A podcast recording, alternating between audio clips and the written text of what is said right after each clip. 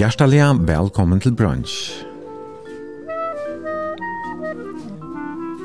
Dagsens gestor er 41 år. Hon er født, oppvaksen i Moaia, bosidande i Kjeppmannahavn. Hon er utlærd nomsfrøyngar og hever starvast vi bøtten om unkon, altså et vaksna liv. Velkommen til brunch, Maria Andersen. Takk for det, Eifen. Ja, og i morgen så sender vi ur Danmark Vi uh, sitter her i stovene tjatt her, og Kastelsvei, og Østerbrygg, eller Esterbrygg, i Kjeppmannhavn. Her du bor i uh, Nøkrar. 20. 20 år her i, i Bøne. Ja. Og annars så har du bo i Danmark og i, ja, Kostlandja? Jeg er for nye til jeg var 20, så det var trusjår. Trusjår? Tvei trusjår, noe sånt. Ja. Ja, du sier du fyller tvei fors om... Uh, Tvær måneder? Ja. Mm. Så det er, um, det er lengt liv i, i Danmark. ja. og du har jo oppleva mengt og kvæl som vi får prate om i, i sendingene. Med landa så um, har du uh, vært vidt til at stående det som heter de kollektive børne- og ungdomsmiljøer. Ja. Det var jo i halvfjersen og alt, ja? Mm. Og det var også vi at det var jeg slag oppreist mot badna for sorgene, eller hvordan var det? Ja, det var et oppreist mot badna for sorgene. Vi var noen folk som helt det skulle gjøres om. Det bøten som kom jo heim, badnaheim og ungdomsheim, det skulle være mer sammen med voksne, mm -hmm. og ikke være isoleret for seg selv. Ja. Så det var akkurat opprør mot det tog etablere, ja. Ja, du var jo ung her i i Danmark og i Trusjen og Alfjersen, og vil oppleve ungdomsoppreisteren og mm. Flower Power-tøyene. Ja. Og som at det her heiti og, og sånne ungdomsomkvarven, og baden og ungdomsomkvarven. Mm. Ganske bender og eisen, så du eisen bo nok snakk ved kollektiven. Ja, nek var. Mm -hmm. Det er ferdig, da har jeg nek mer om i, i uh, sendingene. Så du eisen verre av ha skola, ganske mer enn en affær. Ja Ja, jeg kom nyår sammen med tjejer om førskunjetten av den internasjonale havskolen i Helsingør. Mm -hmm. Det var tre måneder skai, og så gjerne har vi vært på Øren havskolen nesten. Ja. Du, med anna var jo en nok så negv omstrød om havskolen som det Tvinna. Tvinnskolen. Ja, det var du. I 2,5 Ja, i 2,5 Så har vi Amti Petersen som... Ja, Amdi har vi personlig forhold til, men... Ja. Det kunne komme inn på seg. Ja, vi kommer høyre mer om det seg en tid var i Indien sammen, og nekve er her stedet, mm, ferest. Ja. Rundt og i lenge. Ja, men uh, derfor har jeg pratet nekve mer om seitene. Mm -hmm. Og så får jeg sjående eisen at uh, jeg spiller tonelike. Du har valgt nok sånn jeg føreska sanger. Er du en uh, føreska hjertan hos du bo i Danmark og sånn jeg? Ja, jeg er føreska. Ja. Og jeg spiller, og jeg har utvarsbekvendt, jeg spiller noen første sanger, og synger der, og mm -hmm. så var det sånn. Så selv du bor nere i Marin Trusjøer, så du tås er... Røymelig og velføres. Ja, det vil jeg si, ja. Jeg leser et blei som heter Frøyge. Ja. Så Røymelig leser at han nødja føreska, som fylgja vi her. Ja. Så, men jeg dog ikke ødelt til å gjøre det her, mye. Hvordan vi uh, bøtten og tjater, du har jo tvær døtre her. Er det her, ta seg der som er helt først? Nei, det er ta seg tyver ikke, men det er Rona var løy til hun var født i tjej trus. Ta ta seg bare først vi henne, til fyrverande mer enn mer enn halve føringer. Men da Maja kom, ta var vi blivet som Maja, det er dansk ung hver, så hun visste lærst, altså, så som Rona gjør. Nei, ok. Men det er skilja, jeg sindra førskolen. Det er jo, jeg snakker, det er jo halvtrusjen, ne? Så, ja, de er, under fem halvtrusjen, og henne ikke halvtrusjen. Ja. Og jeg tror jeg så jeg snakker noen ommebød. Ja, så jeg fyra ommebød, og tvei leng ommebød. Mm -hmm. Som et bygg var her i Ja, det bygg var det her. Ja. Nå det dette man som er bor i Jylland, jeg var resten til København, og skal få sin leilighet her. Mm -hmm. Og henne bygg var tatt vi her. Ja, så har du alt rundt om det. Ja. Du nevnte du uh, ex-mannen til der, vi kommer til å ha meg om han, Esne. ja, det kommer ikke omkring. Du vet jo at jeg lever sammen og arbeider sammen, at jeg lov. Ja. Så har han et, et, et navn. Andersen. Knud Andersen. Ja, jeg er Rasmussen før, men så ble vi gift Andersen. på pappa Knud, han var jo danskar. Ja, ok. Men det er så noen år siden de ble skilt, og du har ja. så haft en, en kjeik i i några år. Han är så danskar, ja, Roland. Ja, Roland är danskar, och jeg bor i Førjon, vi är gift i Färjön och är två förskott jenter. Okej. Så han har ästne förestilsknutet. Ja, det är bra. Han blev så tyvärr sjuk för en Ja, vi har känt varandra nu i åtta år, men för två år sedan då, han blev dement och blev lagt av ett Alzheimer, det gamla by. Okej. Okay. Ja. Og jeg mykje han ofte, og ta måten vi kommunikerer nå på at det er vi at synes at du tar minnes den sannsene av åttende. Ja, men ja. Blant annet at jeg sier minnes og simme og kan, ja, ja, sånne kveld blant eisen. Ja. Og sånne førsker til doran. Mm -hmm. Og til ta måten vi tog seg sammen med nå. Men annars du är eller väl fyra, du färdas ofta til förra nästan. ofta är vi ofte förra. Ja, altså jeg møtte der uh, i sommar, vi hade jag mötte där nästan om i øren sommerferien her vi da prata vel, og mm. vi, vill alltid prata eller veldig vel sammen. Så har vi hokst om til at du kan bli av å være haft som gjest og bransj. Jeg har jeg sånn etter til at, at høve skulle komme, det skulle til Danmark her, og skulle sende så Ja. Så prøv å kontakta deg, og du varst, så du bedre vi på det. Ja. Så nå får jeg da prata i nesten tvær timmar, og jeg kan lova for at du ikke nekva greia fra, så spør hun hvordan jeg kan få, ja, kan vi få stunder til. Men vi skulle så eisen spela tonleik, og du valgte nekka sanger. Det mesta er så kjenter første sanger, det er så nærmast fosterlands sanger, mm. Ja, ja. Og det er så som, som rører det enn tant det her. Ja, det er det, det tog jeg valgte. ja, er det meira kanskje nu da man ikke bor i fyrrjon, så så da man hører så rører sanger, så får man lunch av. Ja, ja, det er ja. Ja. Det er helt sikkert. Men uh, vi får lägga fel med en som, som um, du greit meg fra, det er et hans anker som du huksar om uh, alt det du lodgest, mm. lengt bort fra Ørn London. Uh, ja. Er det, er det ur, ur Førja Falks sangbog, eller hva er det? Ja, det var Førja folks, og så er det Østen Sundjan vi driver Førjehusen her i samkommer vi kvar i loftene. Mm -hmm. Her synes jeg det er forskjellige sanger, blant andre hand og sanger. Ja. Det er imser utgaver av noen omkring kåroppdøker. Ja.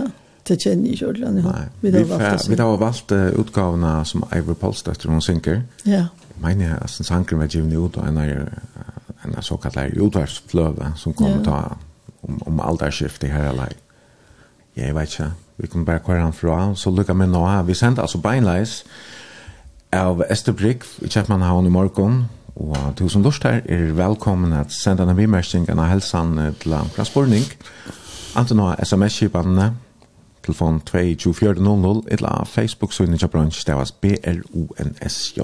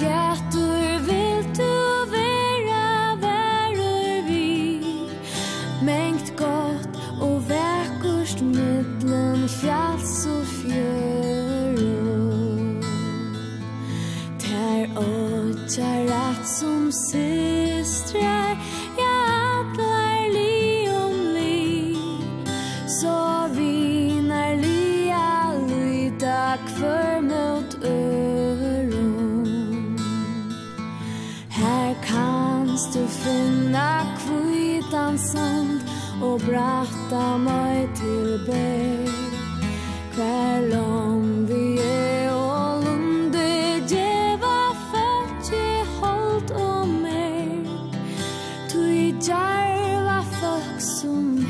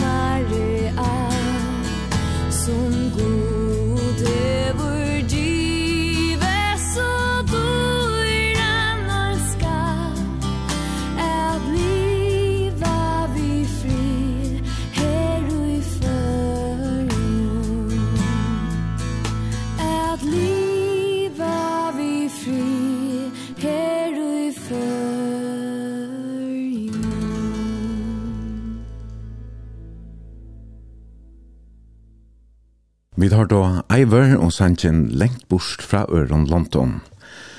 To lort etter bransj, og i morgen verer sendingen sendt av Esther Brigg i Kjepmannhavn, og det er Maria Andersen som er gjester. Vi sitter her i stovene, Kjep Maria, og sender beinleis. To som lort er velkommen at sende dere en helsan, en bimerking, en noen spørning, 32400 eller Facebook-synet Kjep Bransj. Og Maria, Som jeg nevnte jeg begynner vi, så er du jo født og oppvaksen i Moaie. Ja. Og i uh, 1941. Ja. Du var oppvaksen her, uh, det som heter vi kyrkjær. Vi kyrkjær. Ja. Det er her nede i bygden her ja. som tatt vi uh, fotbollsvøtlen her ja, alene. Ja, og det gamle kyrkjene som lå her før. Mm -hmm. Hva er det våre foreldre, Tuna? Papen min er Aksel Rasmussen. Mm Han fra Norstosland, som det kallet han. Og mamma må være hettelen hon, hun er Tomasja Olsen. Ja. Og vi var, og vi der, og vi var fyra systrar en dag. Ja. Andi var den eldste, og så kom jeg nummer tvei, og så døg hinn Kirsten, det hun var åtta måneder, og så akkar Kirsten som nå er, ja, nå er fem måneder. Ja, ja. Så Här kom en annan kirsten, 18 år. En kirsten kom 18 år hälsa som döj. Ja, det var en så tung søve, annars. Du fortalte meg det siste döj. Ja, det var det. Mamma du, hon hon var blev sjuk av en lasjekrus. Ja, ja hon tog var hon inlagt hon är också med så här og vi blev passet i andra og, og henne kirsten, som fikk minne gitt som var passet ikke seg om. Så hon fikk bare mina gitt. Var det noe som Jack da? eller? Det har alltid det varit ja, men hon visste inte. Ja, hon Mm. Hon det men hon får så til havner. Det er suttet i bøylet i tidsi og i kapellen hon i havn. Hva for här her som hon ligger i kista. Ok, ja. Så, ja, du fortalte meg mynden her. Ja. Jeg ser, men det var en mynd som hekk og vet ikke noen hjemme. Jag hadde denne hengende jeg vet ikke hemma, hjemme, ja. Høyde ja. som små bøylet, og så kom det i ram og, ja. og gulden hele loft. Vet du at det er eneste mynden du tatt av henne? Ja, ja. ja. Så åtta man har gått med men det tänkte jag nog till mamma du var var ju inte hemma ja, så hon fick. Ja, som var roligt. Hon fick boina. Ja. Alla inte grus. Jag minns bara när här, jag minns den så där stod en vecka och galv någon och appen sa att vi kom fyren. Appen bor ju också då. Ja. Och ja, det var det minns minns jag. Nej. Och appen då en han var uh, han var batch till uh, Rasmus och Haskolan, ne? Ja det var han. Ja. Och det kanske her Rasmussen etter navnet så. Ja, ja, det kommer han från. Norr, det ska kalla det norrstosläge. Mhm. Det var herfra vi stammer, ja. Eller på Appmun, Appmun. Ja. Och du alltså, du född under kronan. Ja. Det var, var allt det som drör sig sikkert. Det var annerledes, ja. Hörde när ikke inte skår. Ja. Så en lastbil kom, det var en big lorry. Mhm. Mm -hmm. Og jeg fann jo det var en at det var man kunde byta ägg för choklad. Så jag får, jag får en morgon när man var chattlarna och jag stjäl två ägg. Och så rann jag ut av backa vid äggen och fjäll. Så röpte jag där, där stod i horen och fläntes så ranns männer. Ägg för chocolates. Ja. Mamma rann att nå, men hon är något jag Något jag får choklad nå är. Hon ville ganska hellre ha ett. Ja, men hon dömde ju akkurat det för på andra mat. Det är alltid, men i världen Følte du det kom det annars trygg vi Ja, hade jag det gott, var gott förhållande över hon lite och så. Ja. Det minst har bo i utsjok och det bo i nekva hus nu eh tatt vi. Ja. Okay. Men jag minns en efter stå en en minns så ju med där stå i horen här skulle prata om och då blöjer. Och ta var ända lilla lå i veckan. Och ta stå så framför veckan och säga att tid skulle vi inte röra rakarabatt. Så det här det flintet, det var axna flintet, du tar flint och jag vet inte om jag förstod. Så du ansar efter lilla systerna? Ja, det skulle det inte. Men annars, det, det var en, en, en, ja, man, i det har man sagt en primitiv tog, ja, det var all elektricitet. Ja, komma det var en inte tid nej. Och elektricitet. Hur så hur så det ljus och hitta ljus när? Jag vet inte, så lamporna, eh, vad heter det? petroleumslampor. Petroleum? Ja, ja og i køkken har vært en som heter en lux, det kjendis som er stersk og ljøs. Eisen er en petroleumslampa ja, altså? Ja, det har alltid vært petroleum. Mm. Men hinner små i lampene, der fører man på, hvis man får på loft, så kan man ha det vi i hånden. Ja. Det var han kjenner. Og ikke en oljeføring? Nei. Så her, det var... Angen hittet, tittet du helt ikke kikk i kjattlærene? Jo, det hadde vi. Hadde det, ja? Vi hadde kikk i kjattlærene som et landet hus, en av kikk, Det var det var nästan en en hita kälta. Ja. Jeg vet. ikke. Så det er ikke gick kvar fallet friste kanskje. Nei, nei. Men det var rona litt. Ja, så de fikk en mjölk. Ja, ja, mamma får med mjölk og og det där som var kom då skulle vi följa hem vi nej det var också. var bötten som bor här. Mhm. Men annars så var det kål og torv som ja. ble brukt lätt. Ja, mest torv, torv och så ja. kolsättningar snart. Ja.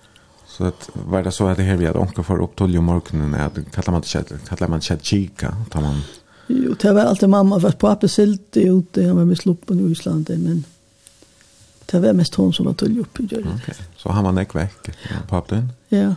Lunch sen eller vad? Ja, så lunch som där är minns sig skulle snacka och snacka man när man tar silt och lunch kanske var ute. Det var och mamma då en Tomasia, ja. Tomasia, hon var hemma og passa okon, ja. Men och du tar värda och arbeid. Jag vaska fisk i bygden det kom seitene. Och så var hon här och dina. Mm -hmm. Hon var av hettlen hon sitt, ja. Var du så eisen jo? Ja, hettlen er det betøy jo nek for jokken. Hon var kvart ena så här. Særlig lunch da vi ikke var skola. Her var flere måneder hettlen hon, og her dømte meg veldig vel til hon min baden til oss. Mm -hmm. Som man sier, Batnas opplevelse av å være her. Ja. Og annars så, ja, så spalte de sikkert ute. Det gjør det bare ikke, ha? De bor jo bare ikke i. Spalte jo ute, ja. Bor nye, spalte nye sant. de spalte i trøsten, ja. En sånn gammel båter som lå på landet her, som bøtten spalte i. Og, og det var det.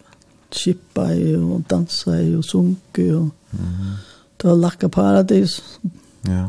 Det er ganske til første årene av løvene til deg, eller Du ble jo sjuk fortalt om her resten. Ja, så en dag men jeg sier at vi var så at den trappen ikke heine, ikke klem, det var ofte bøtt som savnast. Da sier bøtten, men du er helt blå i anledningen. Da jeg kunne ikke reise, men jeg var helt vekk. Så rundt den igjen til pappa, og han var tog bedre inne, og han kom om han, og laknen kom beina ved. Og han sier, hun må sove beina ved, men her var ikke, her var skulle vite hvor det var man kunne fære vi, og her la en trålare vi kajen i Moai, for vi så vi trålaren. Så han selte bare vi her? Ja, altså, han selte ja. bare vi mer, som det var som hvis det var en ambulans, jeg kjenner. Ja, men ja. Tog det var alvorlig. Ja. Hva hendte så kan stå av sjukhuset? Ja, så kom papi for vi mer inn av landsjukhuset, og jeg var fikk et langt farvel, så kom han kort ned et bæk her, her, og så var han vekk. Okay så så han ikke etter, og det det var alt, for meg var det bare alt fremmant, det visste hva det var. Nei, visste du noen gang, fikk du noen vite om hva det var som var gale? Ja, til seitene, så så du det, til nå penselin jo rett det, så det er naturlig hver dag, nå. Det var etter å si vi er bad, men, men på, det var så å ta, at da skulle foreldrene helst ikke vite, vidtja, det tog jeg tog for å lønnsjast. Ja, det er helt. Så jeg fikk ikke vite, det er helt mann, ja. ja. Så det kom anker med Moai som, og vi gjør med som ikke var nær familie, men som var i havn allikevel. Mm -hmm. For det anker gav og mye og så, men Men det var, altså, men det var jo alvorlig, det var, ja. det var even ikke bruna og hjerteklappa. Det var alvorlig, det var en, det var, det som heter giktfeber, og giktfeber sitter seg forskjellige stedene i kroppen, og kommer hverdag og hjertan. Mm -hmm. Hjerteklappen, og Der fikk jeg penslin tre for en tøyma, det og nått vi lenge tøy. Men ånden, altså, la, foreldrene kom ikke av vidtjen, kvart, ja. men var det ånder som kom? Ja, men så var jeg så heldig, altså, en kone lå her, som jeg alltid falt oss hjemme som jeg minnes det ikke om, men jeg kallte henne bare for Malla mamma, hun var av eie, og hun var øyla fitt, og jeg var kjett, og det vakna om natten og lagret, så sier hun, nå får jeg lese. Så hun leste Nudja testamentet for meg, hver fri vakna om natten. Så jeg dog ut mot det som jeg utan at jeg kom hjem. Ok, du lærte det utan det? Ja, det lærte jeg utan det. Og så var det Dr. Dahl, han var sånn fitte med og pratet om tvattlesen. Nå får du binda med noen sokker, nå, mm. nu är det du har binda. Och jag hade ens ni lärde binda her. Ok. Da jeg ble sinte fruskere, så ble det inte annorlunda. Da hadde jeg ikke det fikk sprøyden, da trodde jeg tre og en time. Nei. Jeg sa vi har døtter, um, døtter Hans Johansson la i som stove. Ja, døtter Hans Johansson la en av tog, sørste tog inn i hver her, som stove. Jeg halte hun et Anita, hvis jeg minnes rett. Og da hun for heim, og jeg skulle kjelse på heim, så kom det ved noen dukkevogn, en reion fyrt en dukkevogn som jeg skulle eie. Mm, det ble vi øyelig glad for. Er det nesten helt tre? Ja, sånn litt tre reion dukkevogn, mm -hmm. øyelig fyrt. Så du, du slapp hjem att hon har några månader? Tjej månader. Tjej månader. Ja. Var foreldrene unga du och vidjade? Altså, Nei. her tjej månaderna? Nei. Det skulle man ikke ta og det var ikke godt for några. Det så var svärda. Nei. Men da jeg så kom hjem, så var det kommet en. Så var det kommet en lille jenta til rett, og det var Kirsten. Ja, lilla systern. Lilla systern som var født da. Mhm. Mm det var så veldig. Det är tjej i fjärde født, så det. Ja. Och kan så tog det länge tid jag kom över sjukna skulle du binda fri att han har. Nej, jag skulle gänga ofta till lackna det så att hon var inte renna och hon var så efter henne och så såna så det skulle de binda binda fri när det man inte man är sex år alltså. Nej. Jag får skolan att jag så är min kvinna kommer med mig stäja med jag kallar henne hon säger att hon bor ju ett för skolan till, till oktober då fyllt i hon men jag får bara säga hon. Så, så ser hon till att bära mig fram lite du får skolan. Det gjør det jo så. Men var det, tror jeg at, at du har lært noen ting hjemme fra hiphopen ganske lise for deg, eller vitt deg, eller noe sånt? Ja, altså jeg ville ha at han skulle være nok så rå, rå, rå. Jeg ville ha at han skulle lese sakene ned. Uppsala Peter, Barba vid Kvudja, Gottarmre Mola, säger man och sånt. Och det tog gjort den allt, ja.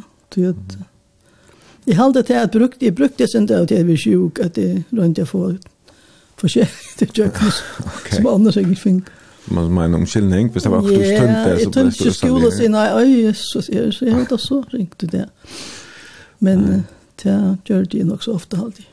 Var det annars godt å kjenge skolen, altså læreren går og flokker enn? Nei, jeg vet ikke om jeg lærte nok. Jeg har alltid til å lese og æren, så jeg har alltid kjett meg nok så, når jeg går skolen. Mm.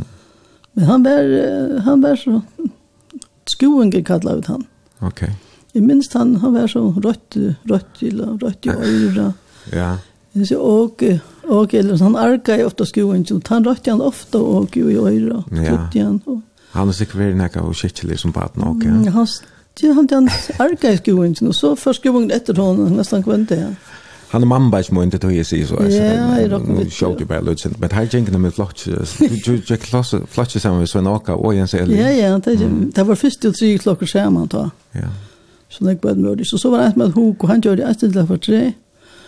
Och han rann skoen som kallar läraren. Han rann på borren upp i borren efter hok och så lejpade under vintern nästan.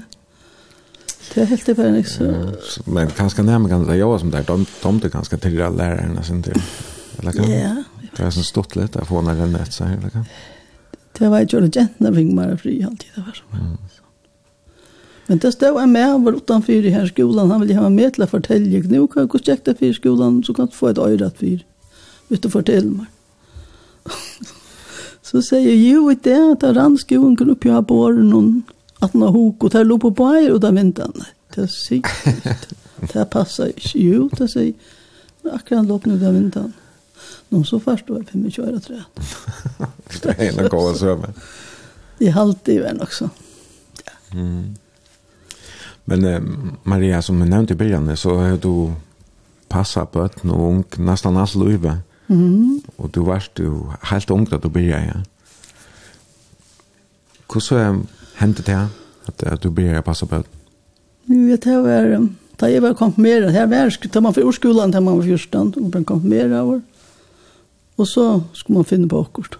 Og det var Olav Rasmussen. Det var et av siste på pappa min. Mm -hmm. Han får ofta vestra fiska søl og bo når stå og tar for ofta når nekka deier.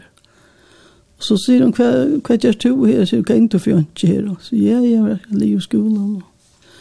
Jeg halte skal komme og sove med her, sier Olav. til at du kan så passe dødsene kommer. Vi er ikke akkurat. Ja. Neste ferie kommer, så fiskar så så kommer du så vi. Det får det så. Mm -hmm. Olavur, han var sånn Rasmus. Uh, ja, son Rasmus Askeland, han, han var gift ved Rigmor, og han hadde Marianne og Dort og ja. Rasmus. Rik, Restor. Restorff. Rigmor Restorff, ja. ja, ja. Så här var sikkert nekve tonlager i heimen. Ja, här var fantastiskt. det var helt annorlunda än jag var vant till. Ja. Jag har ju omgående hört tansle av musikk, klassisk musikk, men det blev det har vi varit så glada för resten av livet, så det blir här. Så här har du den gång klassisk kantonlag. Ja. Rikmor är hon klaver. Hon er klaver og hon er nærmengar här och här var så Lucia Kessler som øva i här. Och du övar i det gocken och övar är stångt i här. Då slävas det över och övar. Mhm. Och Det var deilig å være, det var litt latt jobb, de fyllte emne badna gamle igjen i dår. Ja. Og Rasmus og jeg, det var en så gjerne med lokken som vi spalte ofte, uh, vid uh, hun og åkken. Ja. Så sier Olav en det til tenner seg til her, det så ikke godt ut fremmefyr. Det var ikke tannlagt når jeg visste jo, tenner var jo brenta fremmefyr. Det ganger jeg så ikke sier han tum må fære til Magnus Jensen tannlagt. Mm -hmm. Rasmus skal fære vitt der. Okay. Men da jeg, jeg kom så til tannlakene og sette, sette meg i stolen her, og han var grulig herlig, jeg ble ordentlig bensjen, så leip jeg av sted. Vi er sånn, vi er sånn kloden om, om arm, eller hva heter det, om ryggene. Okay. Ja. Og Rasmus rann vi, men, men Magnus Jensen rann at nå også. men vi var för men hva ända det, så vi fick så ångan du gjørst henne her? Alltså så, Så var det låt så sier Ola, vet du kvärt han, du kommer vi mer i andre kvelden igjen til mye du är ju tålen ju henne, han var fin mekaniker. och han gjorde det til tandläkaren tålen Mm -hmm. Så kommer jeg her i kveld til meg mer, och så kommer jeg til henne til deg. Og hun var så härlig. Eller? Hon var øyelig fyrt, och det var behärligt och gøy tog. Så fick jag finne. Så var hålen stoppet. Og det var godt. Jeg var heldig til at annars var det. Det var ikke tannlagt. Er det unget vært til tannlagtene som baden her i Vestre? Det var ikke tannlagt. Nei. Det var ikke som følte tannlagt. Du som var til havn her. Nei. Og hva, hva brukte man nå du nevnte det? Man har nok heldig ikke per tannposten her og ta tannkrymme vi det og det. Nei, det har alltid ikke. Jeg vet ikke om bostad er tennt. Det lærte jeg så langt. Minst. Men man åt kanskje helst lukket ikke søtt. Nei, det var nok. Jo, sukker var nok, men jeg hadde ikke høyt. Så det var jeg ikke. Hvor langt verst var i husen til dem? Ja, jeg var nesten. Jeg hadde vært en tro jo her. Så jeg tatt med til å komme vinkonene med i, Steia Mia som kallet henne, som videre vinkonene inn. Hun ble så, kom Steia for meg i husen her. Ja. Og jeg får, jeg bygde en liten kamera, jeg må liten kamer, jeg deler venn, og arbeidet kjøttbjørn til en steinert. Ja i ett år, og så i handelen Hansemann i ett år. Så, for, så stekket jeg det opp. Så. Ok, så då um, först selgte du kött och så selgte du plattor. ja, kjøtt og plater, ja. ja. Här nere, tja, Hansemann torkar Uh, Jag kan säga, jeg la, la det bare vi kata hot ner. altså, mm. handelen ta, eller han kanske li omkring her stedet. Nei, han la ned en brekken her som, hva sier jeg, det er ikke bare spänt vi glada hjörn här. her. Nei, Nei, ikke her, til, til fyrtseiten kom han igjen. Ja, ok, ja. Ja, så en sykkelhandler var bant i det, og da man ganger ned i brekken ned, ned i Voksbåt, så ganger den brekken igjen. Ja, Konradsbrekket? Ja. Ja, det lå han til kjans. Ok, og her kommer sikkert nek spennende folk. Det er gamle Danmark etter her. Ja. Ja, her kommer spennende folk, og Nicolino, og de som er akkurat da. Vi gjør plater ut. Jeg bjød mer ofta i handelen her. Sånn. Ja, han, han som han gav jo plater her. Ja, han, han gav, han gav, han är platfelle, ja. Ja, så det er klart han tonlager som går plattor ut her. Takk for meg, sninn her, ja, ja. Mm. Det var Simmi och Conny halvt jeg som da, et eller annet, Ja. Jag minns inte, men det var noen først. Tonlager. Det var... Det er det sikkert vært, ja. Jeg vet ikke når det er kameran, det er byrja og tulja. Ja, det var det gussur här, da. Ja, nemlig, ja. Men kvart så ja, det det var ikke langt til å stå i Storfølgen, så, så først til Danmark. Ja, så var det at det var flere som tog seg om å fjerne ned i den internasjonale høyskolen i Helsingør. Og vi var tjej førsker som får oss det. Og det var det trus, først trus og det der. det det vanligt? Ja. Mm, for å ha skola og hushandskola var vanligt ikke gent og det var ikke. Ja.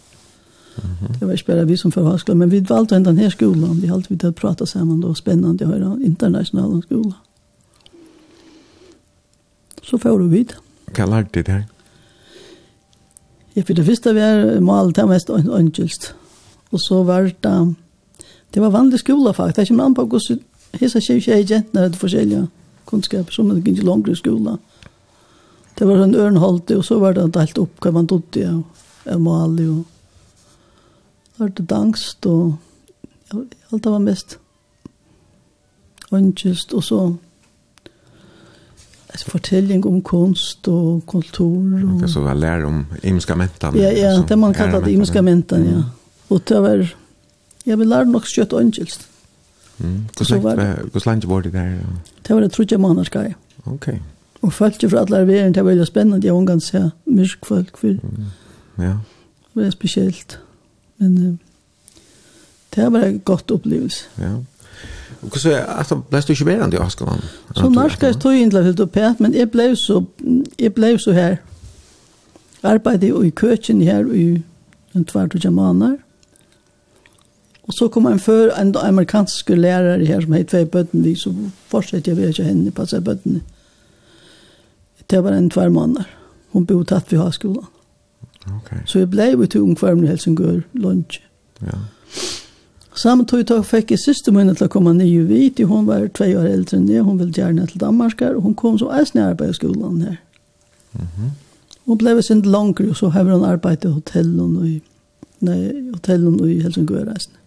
Ok. Og bo i här. Lära sig över Helsingör. Du har arbetat i hotellet, ja? Ja, det var sajten. Ok. Okay. Det er Hebron, eller hva er det? Ja, det var Hebron, det var nesten noe først. Ja, ok. Men... Um, men ikke akkurat tog vi for her. Du er utbyggd med nomsføringer, men, men du først først du lærer alt, ja? I badnapleie, eller hva sier det? Ja, utbygd, den et år i barnepleierske, mm -hmm. det var det som heter Marsta hjemmet, og det var systrar og nonner som hette den bøkestående. Mm -hmm. Det var en bøkestående man bor i her sammen med tre mun øren jenter som eisen var og nærmengar. Og det tok et år. Ok, men så, hei. så er det nonneklaster her, så eisen? Nei, men det var nonner som, som høyde da, høyde vøkstående. Mm -hmm. som, det var alle nonner som høyde. Og det var det sindre spesielt. Man har aldri vært i bøttengøgnen av luk. Foreldrene skulle helt komme inn, og så fikk det ikke klær som det har hørt til vøkstående. Hvor er alle vøy i bøttengøgnen av luke? Jeg vet ikke om det var nekka vi hugge egne, men det gjør det sånn. Okej. Det är helt i vær, Så det men man vänner til. ja, så var det sättet som jeg smøtt bøttene om rättur av potter här. Ja. Och så var det lätt Det till kläder som har det lögestående och til det slå hem ett med den så skulle det att du tar egna kläder och så ut att du kan vinta i. Jeg vet inte hvor det var. Om det var hur en eller vad det var. Ja. Glömde han äga vis någon någon att det skulle komma för tatt på här. Nej, det var nej, det var nog det var ju så fitt där över alltså man skulle bara man ska vi till andakt man skulle felas med att om man skulle föra hem tull om kvällen och köra ut att något land ett lov. Mm. Men det är ju inte alltid det jag gick så. Du visste så långt då att att du ville gärna arbeta vid botten. Jag visste väl för att han väg men tar man inte har några skola gång så ska man ju ja så ska man skaffa sig praktikk eller ja, mera. Mm. Jag hade visst vara att uh, spela en sangaträd nu. Ja. Och här ja, det är nog en sangat som du har hört att du var ansett på men det är en av de fitta jakterna som du passar i då att först för för ett launar alltså bara som synker. Han domte mig väl till att jag valt. Ja. Ja, kan du kan ska fortälja sen om ja, kvar kvar ja eller när du har chansen och för ju vet vad så. Jag minns inte när jag hörde sånt men så du du kände det var hon som passade. Det var små små jenta men men allt det jag hörde sånt. Jag minns inte det kvar det var det var flyger sånt som var var bin chanta sånt nästan. Att det var en av sånt. Ja, men vi tar det här. Dorte dam, Sintja, Katrinburg, Astronterna. Ja. Mm, yeah.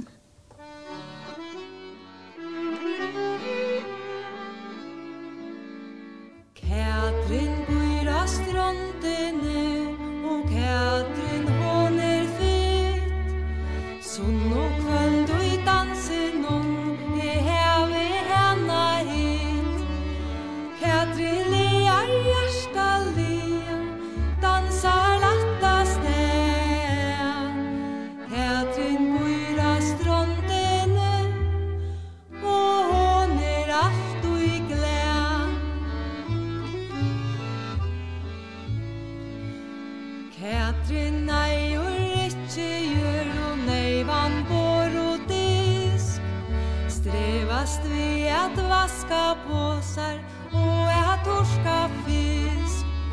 Solen bränner brunan kinn og blejtjer gula har Kear innu i eione så djup, så rein og klar Sitor hon assa som engang gang der Sær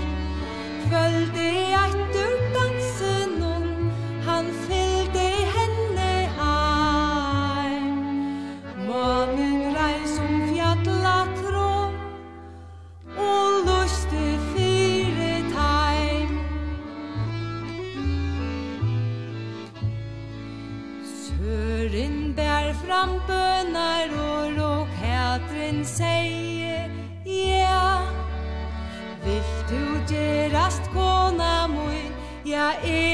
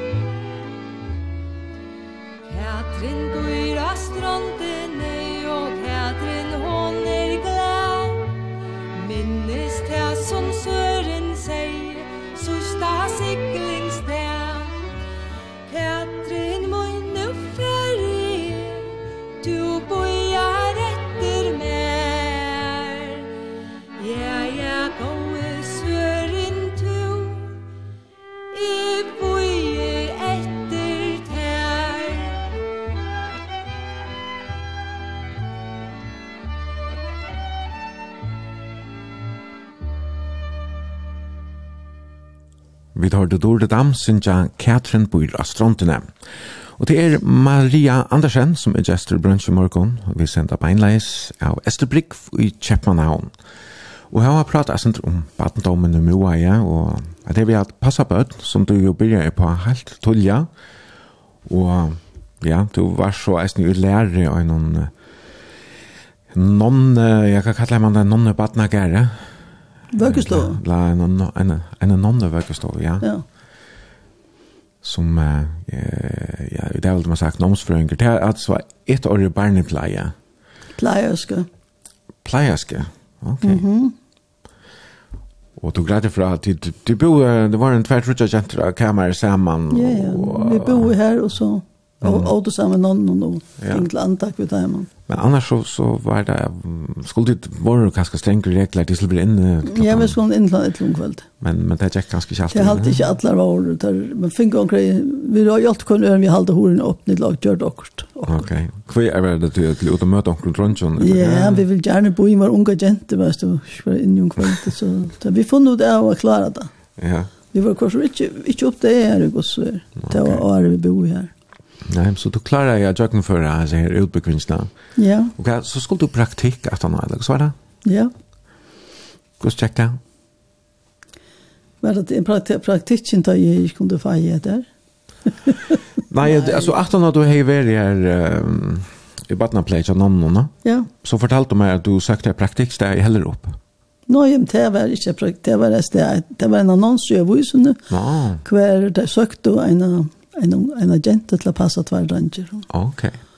Og det var det vær, og til hukte i ett og tanke at det var spennende, så får jeg jo reagere på noen som føler heller opp. Mm. Jeg begynner å komme i samtale. Og det var en veldig villa, jo heller opp helt ut til havet. Og inn kom en, jeg kom inn her, så sier jeg kom inn, det var en striksdama som heter frøken Brixen. No. Hun var så fastet til enda, fast til enda mannen, som bor her. Og så sier hun hva det handler om, at uh, nu vill du väl inte till filmen, sier hun med meg. Jeg aner ikke hva jag kunna om. Jeg, jeg, jeg har bara sökt ett jobb till att passa tvär ranch. Ja, men de sista tid har det varit fem barnepiger. Og det alle sammen vil til filmen. Og det er fordi, at ham, der er far til drengene, som du søger job hos, han er filmdirektør og ejer eller filmselskaper i Danmark og i Tyskland, sier han dock så. Så jeg jag vad som det är släkt. Han var en stor kanon innan filmsajmen. Ja, ja, det var veldig rik folk, og han var en stor, stor kanon. Så sier jag, ja men har jo søkt et jobb til å passe drengene, så. Ja, men så, men du, du Angels, du tar, du tar, Danna är följt, du, du, du, Angels, alltså så säger du, det är så, okej. Okay. Så skulle jag nok få besked, tar i hon det var flere som skulle til samtale den dagen, sier hun. Skulle jeg bare bo i til jeg fikk beskjed. Ja. Og det fikk jeg så. Og så kunne de begynne her. Hvordan bodde du så her? Ja? Hjemme til hjemme? Jeg, ble vust på overste loftet eller del overst, og det var ljøsere et værelse, og inni værelsen var en sånn luka, til en sånn badnadjenta som man nikker inn, som man, en luka inn til badnene. Men eh, Ja, det var, jeg vet, jeg sa bare, jeg sa ikke, jeg vet ikke hva foreldre var den, jeg fikk ikke vite. Så sier hun bare, du skal ikke blande deg i hva de andre lever her. Du må ikke gå inn i spisekammeret og ta mad selv. Du må, du må helt tatt ikke blande deg i hva de andre laver. Det var en tjenere, og en sjåfører, og en husholderske, og en, jeg vet ikke hva det var flere under, som arbeidde her. Mhm. Mm Nå, men jeg får så på loft, og så ljøser jeg av kameran og pakker jeg ut. Og så møter jeg som smadrøngen en på tjej og en på åtte år. Kim og Pita. Ta var veldig fitter, og så var det. Jeg får en sång om kvöldet, Ta kom Kim, som er tjej og lei, Så han ikke vil sove sammen med. Det var helt det, det var en fremmande dronker, og vi var jo, det var ikke god tegn.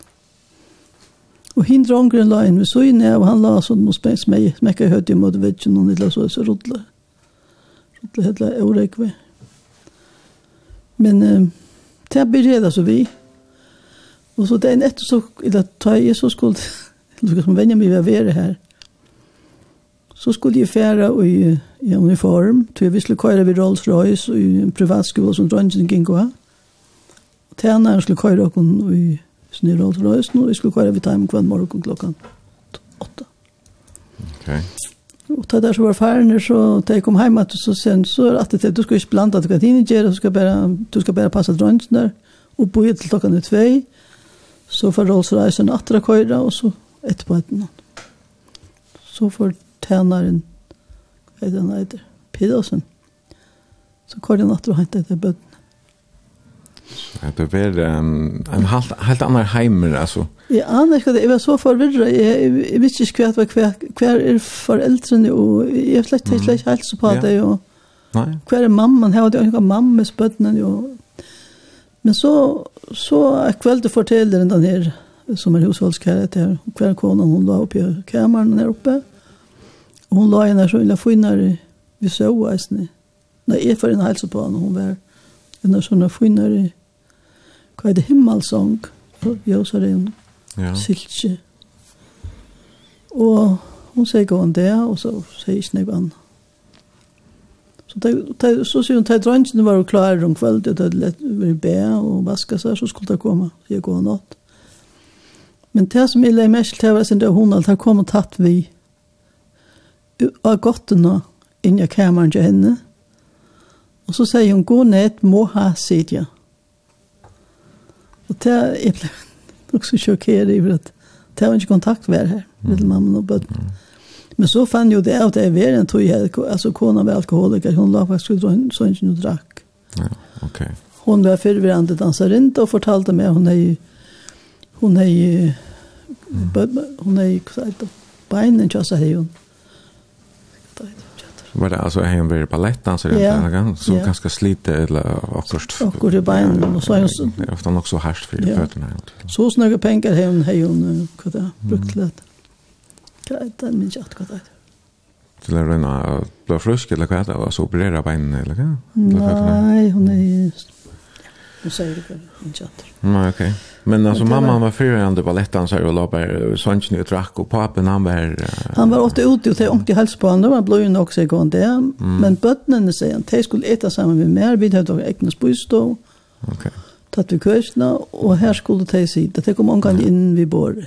Så att ni hade lite förhåll till föräldrarna så att säga. Sen det var det för pappan till han var hemma. Men det kom du inte. Kom inte att sitta äta samman med honom. Men uh, det var så en stor kanon innan filmsheimen, og her kom en ekv kjent folk av godt, eisne, fortalte du? Ja, ja, det kom alt, det var fullt av folk. Og det som satt vi med, jeg kjenner du ikke dem, og jeg kjente jo omgang, du tjener som er väl långt, det kjente jo ødel. Mm. Husalskan kjente jo ødel, hun vil gjerne hitte hvor det var, og det kan lukke meg hva det satt vi med, jeg vet ikke hvor det var. Det var bare folk som kjente. Mm. Og så var det ofte ball her nede i stoven, og, og vi som følte her, og... Mm I halte husholdskan hon, jeg vet, hon rønte lursta, men så stod i horen ofte lursta. I halte hon var forelsket i det. Ok. jo, det, det, hon, hon var ofte kjett, nå, nå er her kom, her kom, så det. Ok. Men jeg skulle så, jeg, jeg fikk alltid vite til å ikke blanda meg på, jeg skulle bare passe bøttene, så jeg ikke annet gjør. Ja. Og du bor her, altså du var slagpass? Så gikk jeg i kameran og lese en bok. Og skulle du være her døgnet rundt til lenge? Ja. Mm -hmm. Fikk du gå av løn? Nei, jeg hadde ikke vekk. Okay. Var det forskroner og... Mm. Ja, du fortalte meg bøttene var rettelig forsømt, det, det manglet jo klæger. Ja, men det, er så, så kom så en til jeg har en, en, en øyelig røst som råper etter når papen var hjemme og sitter nå, er det nok, altså, tid for man tog med til badnaverne hvis det ikke hendte noe her. Og det var en lærende fra skolen, som sier til at her var ikke klæger, det var noe skiftet vi, og det skulle ha Jeg vet ikke om jeg har gjort oppmerksom på det, men det er det vi som skal passe bøtten, ikke sant? Og så sier hun at nå kører vi inn i magasin mm. og kjøper klær til drønsene. Og da gjør de hun så, så kom det hjem i en bunke av klær, og så er jeg ikke veldig middelen. Det gjør dem. Mm. Til å si at drønsene var jo kraftige forsømter til det skiftende baden. Gjette til seg i første næsene. Ja. Og ja. Men vi tøtte jo det godt sammen. Mm. Ja, men det har vi nægget roligt. Det hade varit snett alltså slott av, av fyn här det var en sommer, Ja, ja det var en sommar så skulle det allt huske färra tärnar och chaufförer och et. Ja. Och så skulle vi färra om i bilen här om sommar skulle vi ta köra till det slottet här. Mhm. Mm och Ja, som for vi så det attast tjänastfolkene så det attast och bøttene og foreldrene så det främst. Ja. Men drøntene sa, nei, vi vil heller sidde sammen, sammen med Maria. Nej, det kan det ikke lade sig gøre. Så gjør de bare sånn en vinkel der, så at du er, da vi kommer færgen, så, så kommer vi godt. Ja. Og det gjør du så. Jeg har to fortalt det her, Var er kom nek eller nek folk kjent folk av Vichan prinsesse Benedikta var ungt og Ja, tar det roja samman vi frun hade det hästar och sådär. Jag frun att det finns han här hena dotter så en äktenskapet som är henne. Mhm. Och det hade hästar och hon regnig och så en där så kom så kom så säger nu ska du inte gå i gården för nu kommer Benedikt och Ernest kvar Benedikt. Och drängen ska också vara hjemme så det så nå. Okej okay, men mm. Men men ta, men ta Benedikte kom, det har ju glömt att eftersom hon drack, vet hon har glömt vad ni sagt så vi får ut och väl. Så var vi här samma med henne, hon hon rejde samman med Anne och Dröngen har sina hästar så vet hon jag kan ta nett med det eller det när hon var här. Mm. Hon bor så uppe ja. Vi slott och sammen med en. Okay. Jätte. Syster, halvsyster, jag bara Men det var alla tur där Alla fick alla vita vad jag skulle blanda mig på du skulle tur ansats skulle passa böden och här ska du vara du ska snacka du ska inte ta som vad din ger och det är alltid sånt det hela vi kom och det hela vi det snackar du öle ofta. Ja. Jag var så vad det gör det så tog som man inte om det. Nej. Så ja så så måste det vara så men det är helt att det kan mer vad det lätt jobb vi var man var utanför får in någon kvar vi valgrävnen noen slottet och det var vill att elda vid her. Ja, det var flott där snä. Fantastiskt det og vi hörde vi hörde det illa gott. Drönchen den ut av det här och vi fick ett veldig godt forhold. Mm. Men då er ikke inte alltid gott det er, altså... Det må man si säger time. Men Maria, jag hade visst å spille en sank att rätt och du med landa valgt, för skulle det gamla göte glömt. Och utgången, vi slår höra till vi jobbar med kornon i Köpenhamn. Ja. Hvor akkurat hentet sannsyn? Det er tog at svigermamman mer som var først, av Rekvi i Vestmanna. Mm -hmm. Hun domte sånne veslesanger, og hun var domte godt av å være sammen folk som sunk og disse førsansen der. Hun møtte sammen først, kvinnen Kjøpmannhavn. Og henne, man domte henne så vel, hun var som, til å minne meg om bestemor som kallte henne. Ja. Bøttene kallte henne bestemor. Okay. Men halvvis la høyre henne her, det er så, som sagt, Kåre Jomer i Kjøpmannhavn som synker, og Eion Sørensen, hun klaver fylgjespillet. Ja.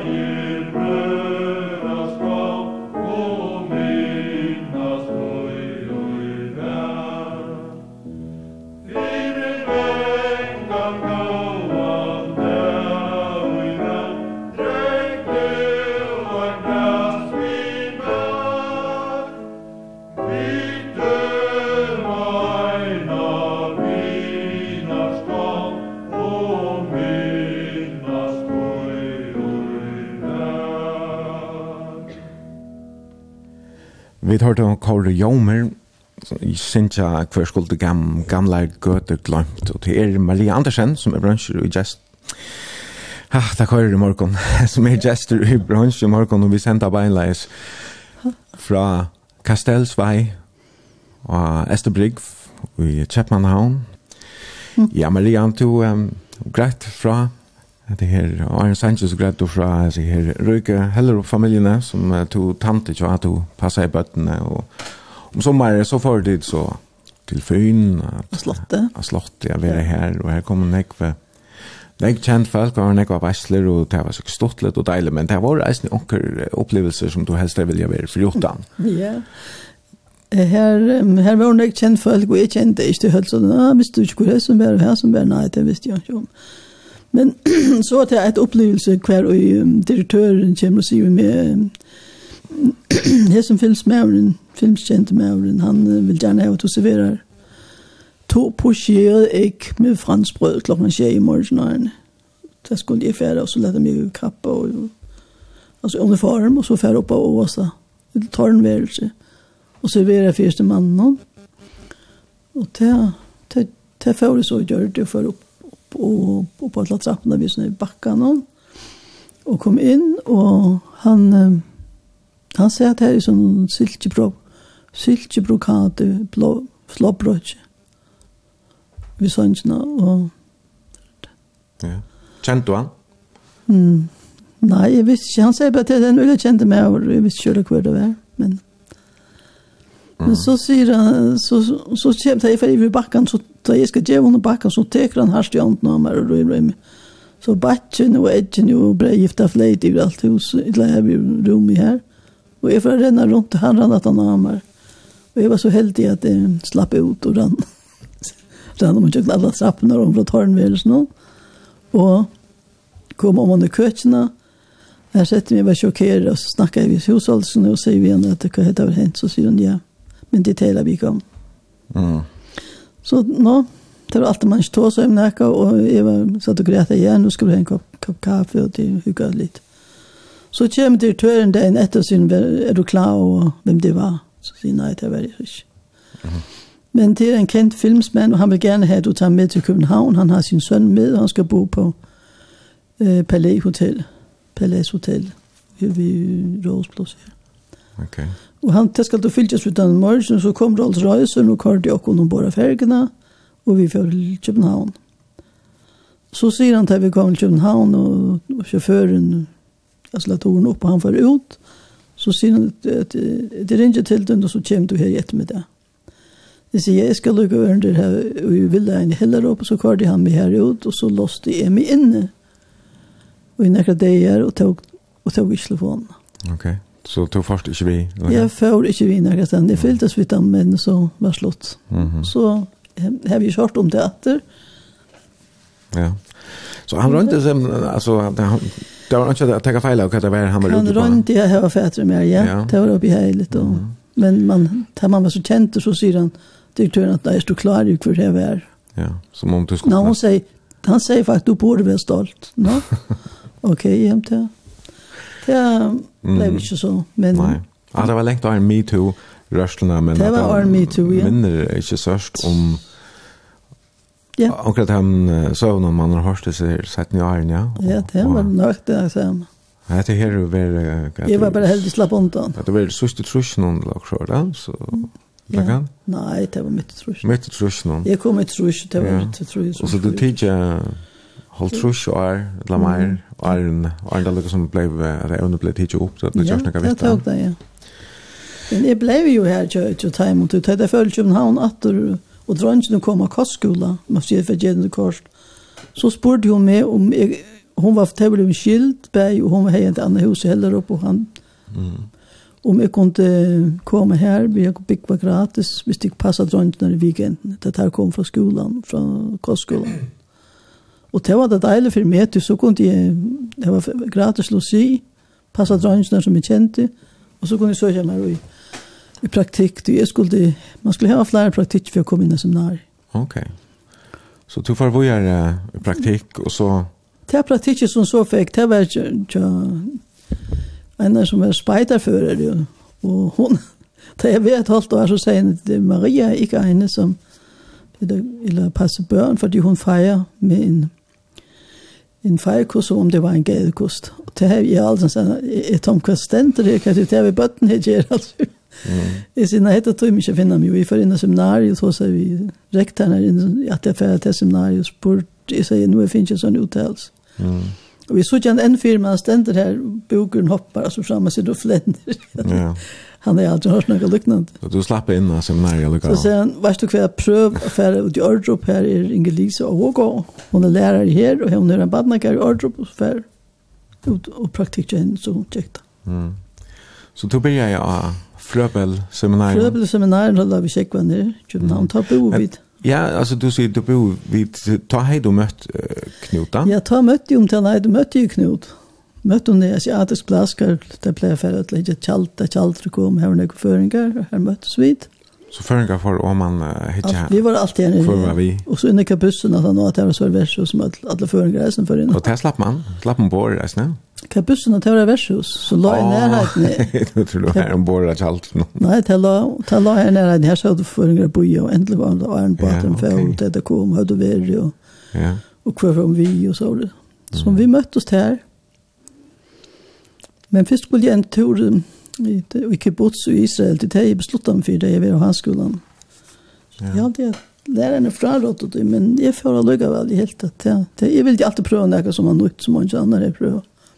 Mm. Jeg hadde vært den første føringer som jeg var i kibbutz i Israel. Ja. Det var en måned, og vi flo etter og frem. Ja, ok. Det var mest arbeid i kibbutz, og så så fikk vi en tur, hvor vi så i Jerusalem, og det hele støyen, og det gøy og ja. Florida. Men det var också koncentrerat och mm. och inte, det är danskar var det var mer holländare och amerikaner. Ja, okej. Okay. Det här var så Arne mötte du mötte Knut. Ta hej med Knut, men ta var vi bo i samman. Han bor ju när så i Birkramsgat i Köpenhamn. Ja. Du säger börjar vi att han är att över ur Knut var pappa Knut, föräldrar Knut hade bo i Ryssland i 20 år. Mamman var i Västmanna, Rekvislänen och pappa var danskare. Okay. Han var til grafister og hei møtt mammen i, i Førjon. Tøyte han var jo fra gravstøyen i havn. Det flott så til Danmark og så gjennomførte det til Russland så det var en son som het Torleif og han var åtta år, seks år da han kom hjem til, for, til Danmark at det bo i Russland i 20 år. Og det som var annerledes, ja, det er sånn fytt og folkene som var svige foreldre med her, det var at pappa Knut, han les Prauta kvenn morgen Ja. Ruske, han lär sig russisk, och han tuttlar vet det så russisk, som han läs prata. Mm. Som är det, det russiska Sverige på det man lät tänka. Ja, ja, det var en russiska vys. Man kände bara att jag, jag visste inte är en vys, men prata visste man navn, ja. Ja. Det var så annorlunda. eh, löv och så. Ja, så, så var det att man skulle gift, för man skulle få en lägenhet, skulle man vara gifter. Mhm. Mm Og han, han var direktør av Ståre Norr, så han var jeg som jeg administrerade det som fikk leilighet, og vi var skriva jo opp, og han ville ikke ha at familien skulle fære fram han fyrir som vi måtte boja. Ja, så er det her fjellet i Ståre Nord, 80 en rikve leilighet. 80 en rikve Ståre Norr. Ja. Men her var bojeliste?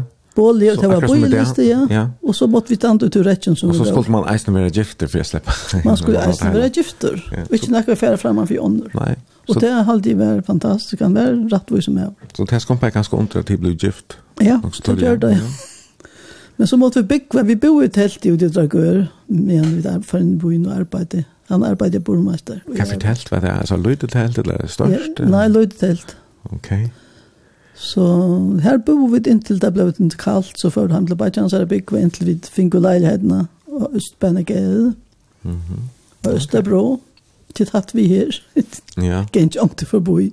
Mhm. Mm Men det var det, så, så var vi her, og ta norskestan tog inn, ta jo i, i gikk vi av seminarien da, og ta jo i seminarien, ta sørste året seminarien, og ta var det at jeg skulle stjere så store oppgavene. Ja. Det var et færøske piger i storbyen, uden uddannelse, uden uddannelse for øye. Det skriver jeg om. Ja, så du skulle selv velge evne til oppgavene, og valgte akkurat det? Jeg valgte at vi tog seg om det, vi helt det var aktuelt. Ja, ja Og ja, så tenkte jeg så velge til.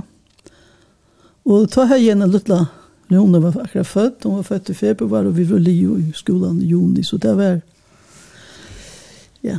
Ja, og at, her, den oppgaven til der, hun ble så givet ut som bok så att det var en debut som rithövande resten. Ja, det kan. Ja, det mm. ble nek omtalat den boken. Ja, og her er, det, er snäckvar kvinnor är det som forteller sånne søv i, i bokene? Mm, så snäckvar det var det. Det er nøytjan, eller? Ja, det är nöjtjan kvinnor, ja. Ja. Som hade ja som kom ner och körde uppbyggning och mm -hmm. och så kom ni till hotell och arbetade för sig där. Så tog kan jag kosta där bo och Ja, hvordan det där förhåll var och ta sig vet där så ja. Mhm. Mm Men um, det var inte, var inte alltid väl. Det var nek som kritiserade det, det var inte alltid lika. Men hva var altså, ut fra, altså, kan ikke, hva, för en ny stod komst och till alltså hade det där gått så här förska kvinnor. Ja, alla alltså som har kommit till fyra och det var nästan ut det var utnyttjat på samma att det var inte utbyggning här och lilla för min lön och det var som som man ser främmande arbete samlokna är det vi gott så att uh, inte att Det att sälja gå förhåll. Ja. Men det här skapte kanske större ahåg att det här är snäfire um, sociala omviskiften och yeah, ska ha det. Ta var vi långt och här bekänt att ta det och så har vi alltid unga och det om folk skulle ha det bättre, vi skulle vara vilja gärna bättre vi långt och ta. Ja, var det som en pastor av oss, ungdomsoppressen? Ja, vi var på ju att det var en demonstration så var vi där. Ja. Alltså, Och så att var det att vi gärna var en båt. Vi skulle spela Big Österbro, vi hade en båt. Och vi får båta på smin här över Svanemullen. Tatt vi som vi Bigva skulle kjøpe den lilla baten. Og hver vi kom, vi kom her, för så första da kan jeg ved baten ta med meg som selja, og så tenkte jeg til det, kvett, nå er baten vekk. Ja, men så må du komme neste vik, og så kom vi neste vik, og ta med baten atter vekk, han først der vi nå. Så, så sier han vi han, hans nere, som åtte sier, baten bygger, han sier, nå måste du bestemme det, tog jeg, hans følgen kommer atter neste vik. Og da vi så kom att ta la baten her, og Och han var färdig utan smått igen. Mm -hmm. Så titt, titt kjøpte han så till ändan? Vi kjøpte båten till ändan och det visste seg at det var en, en känd författare som heter Torkel Hansen som har skrivit Det lyckliga Arabien. Och han har skrivet till bøkene i ombord av båten og ikke hytten her. Och han var... Han, alltså båten var hans hjärsta båten här sagt. Han kallade han for Dautuen. Ja. Och tog var han kättade och skulle av igen. Mm. Og vi får oss så privat, vi reier om penger og talte om, jeg minns ikke hva det var til men han bor også i Norskjelland, så folk nådde vi og talte om det. Det var så givet det. Og tid brukte baden ikke, veisne? Og vi sylte langs, som man sier, kusten, Norskjelland, og vi var ofte ute av veien, Rona var vi, hun var vi alle stedet. Ta åtte vi bare Rona. Ja, ok. Sylte ikke, vi var under Kvannviken, vi var langs stedet. Hon var lydel då, altså hun född tjej tror Ja, hon är född tjej tror hon var lydelig, ja. Mm. Men hon var alltså till Alltså Knut var så råkast lite. Jag skulle helst vilja se inte årräckvis lite vever. Då dömde hon bäst. Visst det var Ja, jag men säkert på att så ska det inte vara helt stilt. Da, så. Nej, han var helt lite säkert. Men det var en maskin på att resa. Men han okay. dömde resa men man skulle lägga säkert. Han var mer så. Mm -hmm. Jag vet inte. Det dömde inte lätt att säga hur. Men mm -hmm. vi hörde att han bara åt en lunch. Mm -hmm. Knut, han, han får så att läsa lärare. Ja, så ville han vara lärare. Han får kvällsseminarier. Og vi fikk noen leilighet i vannløs og større leilighet. Og, mm -hmm. og vi var så, vi hadde- var så heldige at vi pjøkja bøtten så langt jo institusjon. Om man, om man svim og hjelpte jo. Og til han tjekka kveldsene så kunne han passe om det igjen. Og vi kunne heva stått der i arbeidstøy. Så det var fin tøy da. Ja. Og to arbeid så halva tøy i i, Vøkstå, ja. Vøkstå, ja. Vøkstå, ja. Mm -hmm på skiftet en forskjellig større arbeid her da. Ja, ok. Men dette var altså, jeg tror jeg skal ta det her kollektivene ja. for å komme fram. Ja. Altså først er det var den her trusjene her, mm. alt med kærleidje og ja. flower power, og så kom vi opp i all fjersene. Ja ta börja så demonstrationer mot mänskongna av Olvar så alla stedene, världens mm. världensbanken och Vietnam demonstrasjoner ja, ja. och alt mulig. Og så er den oppgjør vi alltid etablera i samhälle ja. altså familjemönster och ja. badna for sorg och första søgnen och och Ongen skulle eia neka, altså det var felakskaparen som kom fram om Ja, det var det. Och det var det som vi sökte och vi kom att känna folk som søkte samma. Mm. Så jeg vil si, så var vi en av de første, som, som startet i de kollektive børne- og ungdomsmiljøer. Det var en måte til det et vi etablerer i. En måte badene for sørgene. Og det første kollektiv som tar, vi det du tog seg vidt, det var det la opp i fjord, oppe i Roskilde fjord. Og her var det noen folk, nå var det praktikk her fra, fra skolen, fra lærerskolen. Du, Fatland fullkomlig fyrir tog tenkte, tanken, dette skulle vi gjøre fram i år. Det var vi det enige om. Mm. Men ta... Ja, han flyttet så innan fjorda sammen med døtron Jakob, men jeg, jeg ville vujere, og så fører jeg tvinnskolen her, og man kørte vi bussen, og tvinn, kjente tvinnskolen. Ok. Og bussen gjør noen ja. Europa og Afrika til Indien. Kan det tidsast det sånn løye, man som mamma? Ja. Varför jag har skola och nok så lengt vekk fra sånne små bøtten. Ja, det var nesten så ringt jeg mer, men så sa du at men jeg har menn jeg kan tanke på det, det her var ut og sykla. Ja. Det er tanke på det jeg er bøtten, så det måtte jeg bruke som argument, men, mm.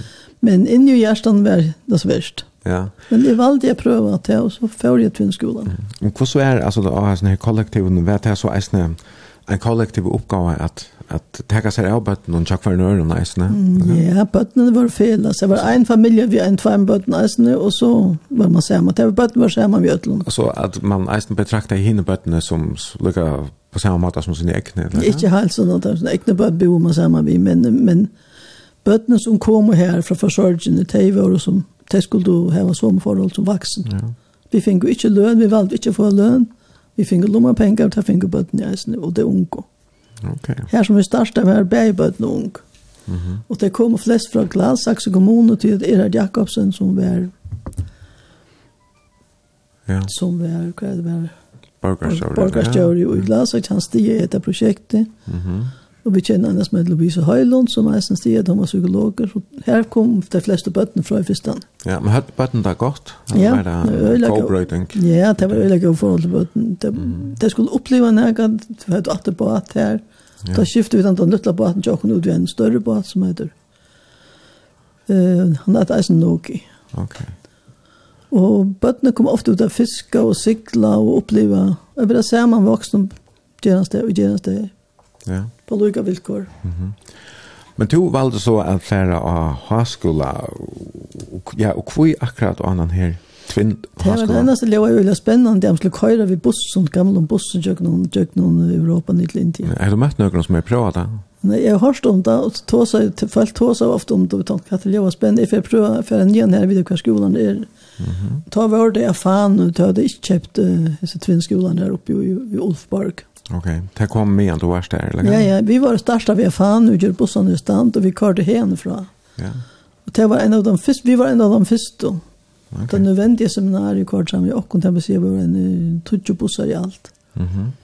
Jeg har alltid det nødvendige seminariet er seks bussar og videre til fyra. Og kan du si, hvordan folk var det så i alt enn i holdt trus? Ja, det var en seks folk i hver buss, seks tjej. Ja. Nøklund at det samme i Øtlund, det var sånne gamle busser som gjør det stant.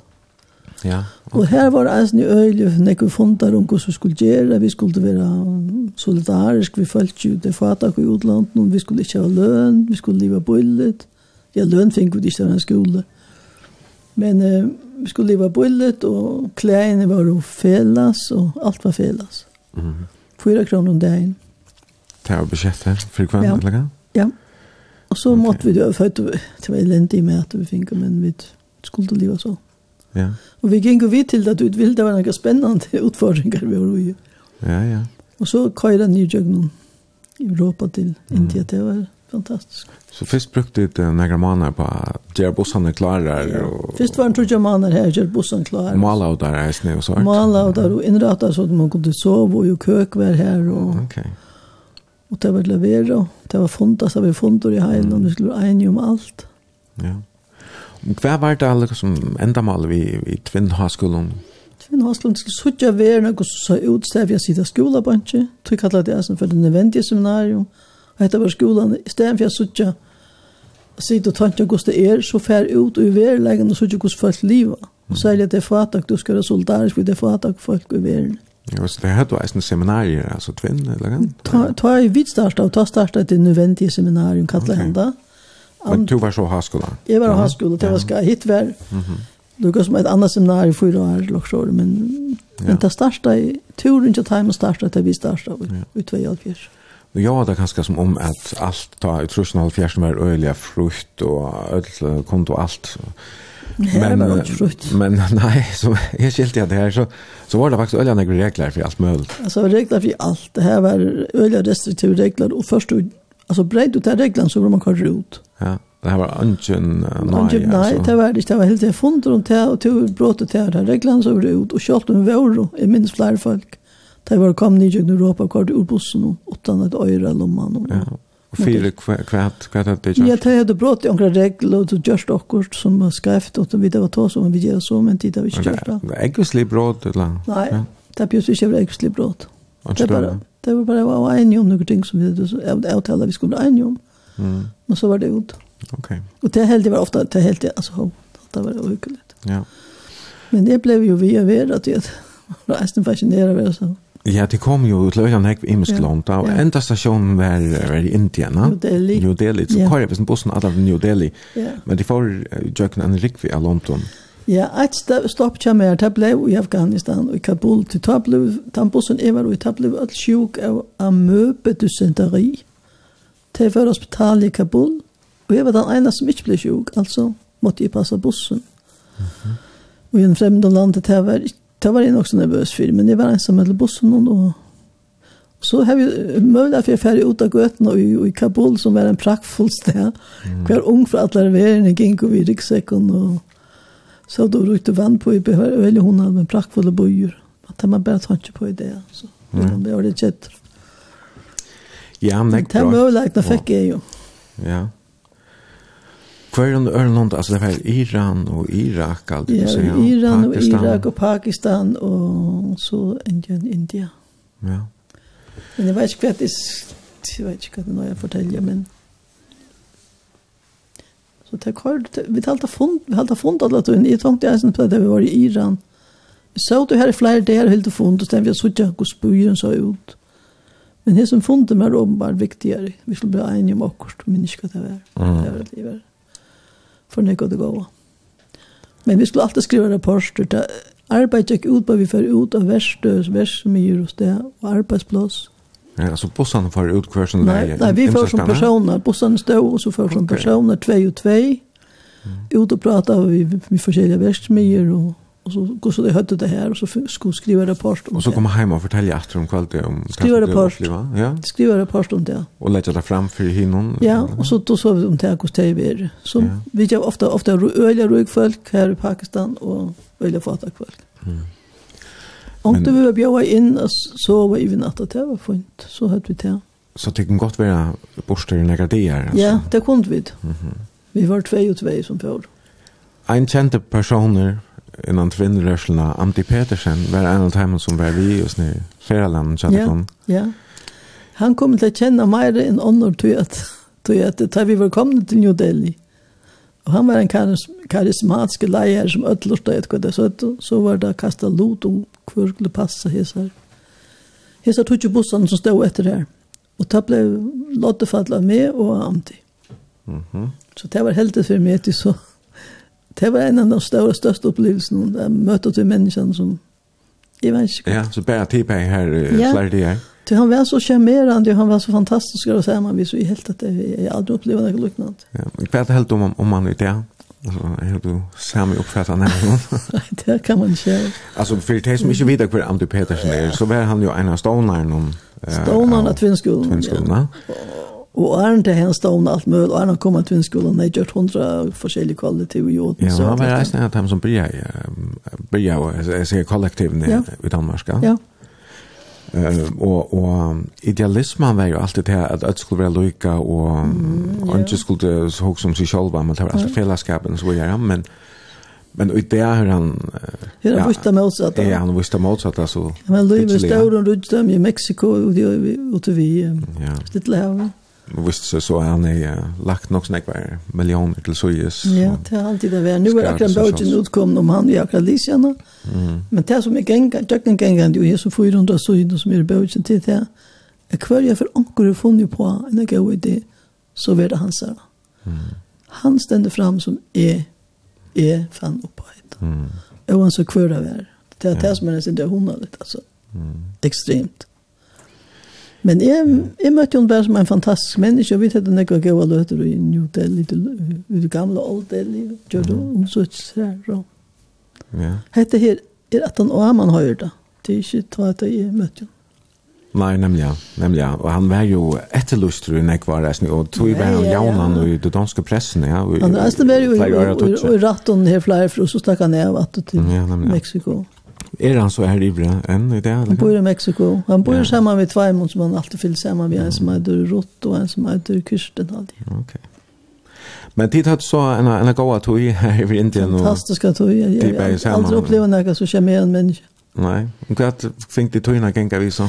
Vi gjør det samme. Vi får tull om morgenen inn i New Delhi og til det Old Delhi, her som det aller fattigste bo, skriva og hva vi så, kom okay. hjem at vi.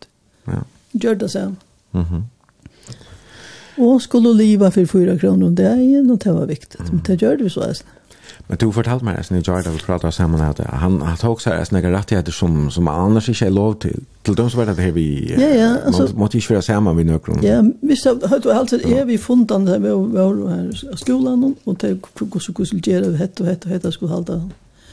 Men så viste det seg at 20 år at nå er vi sammen som følgjønsmegen Johanskilde sammen vi, og så fortalte jeg til att det gick en tur en kvällen så var det tog för i landet till heaven han gärna här och hissa det på kom. Alltså så långt ta. Ja. Ja, men det hade väl det var också harst för när var sjuk av det tog jag att det skulle hålla dessa liknande. Mm. Hålla liknande för själv. Och det var ju gott. Mm. Så var det verkligen sant det gick en god tur så för det här ja. Så var det.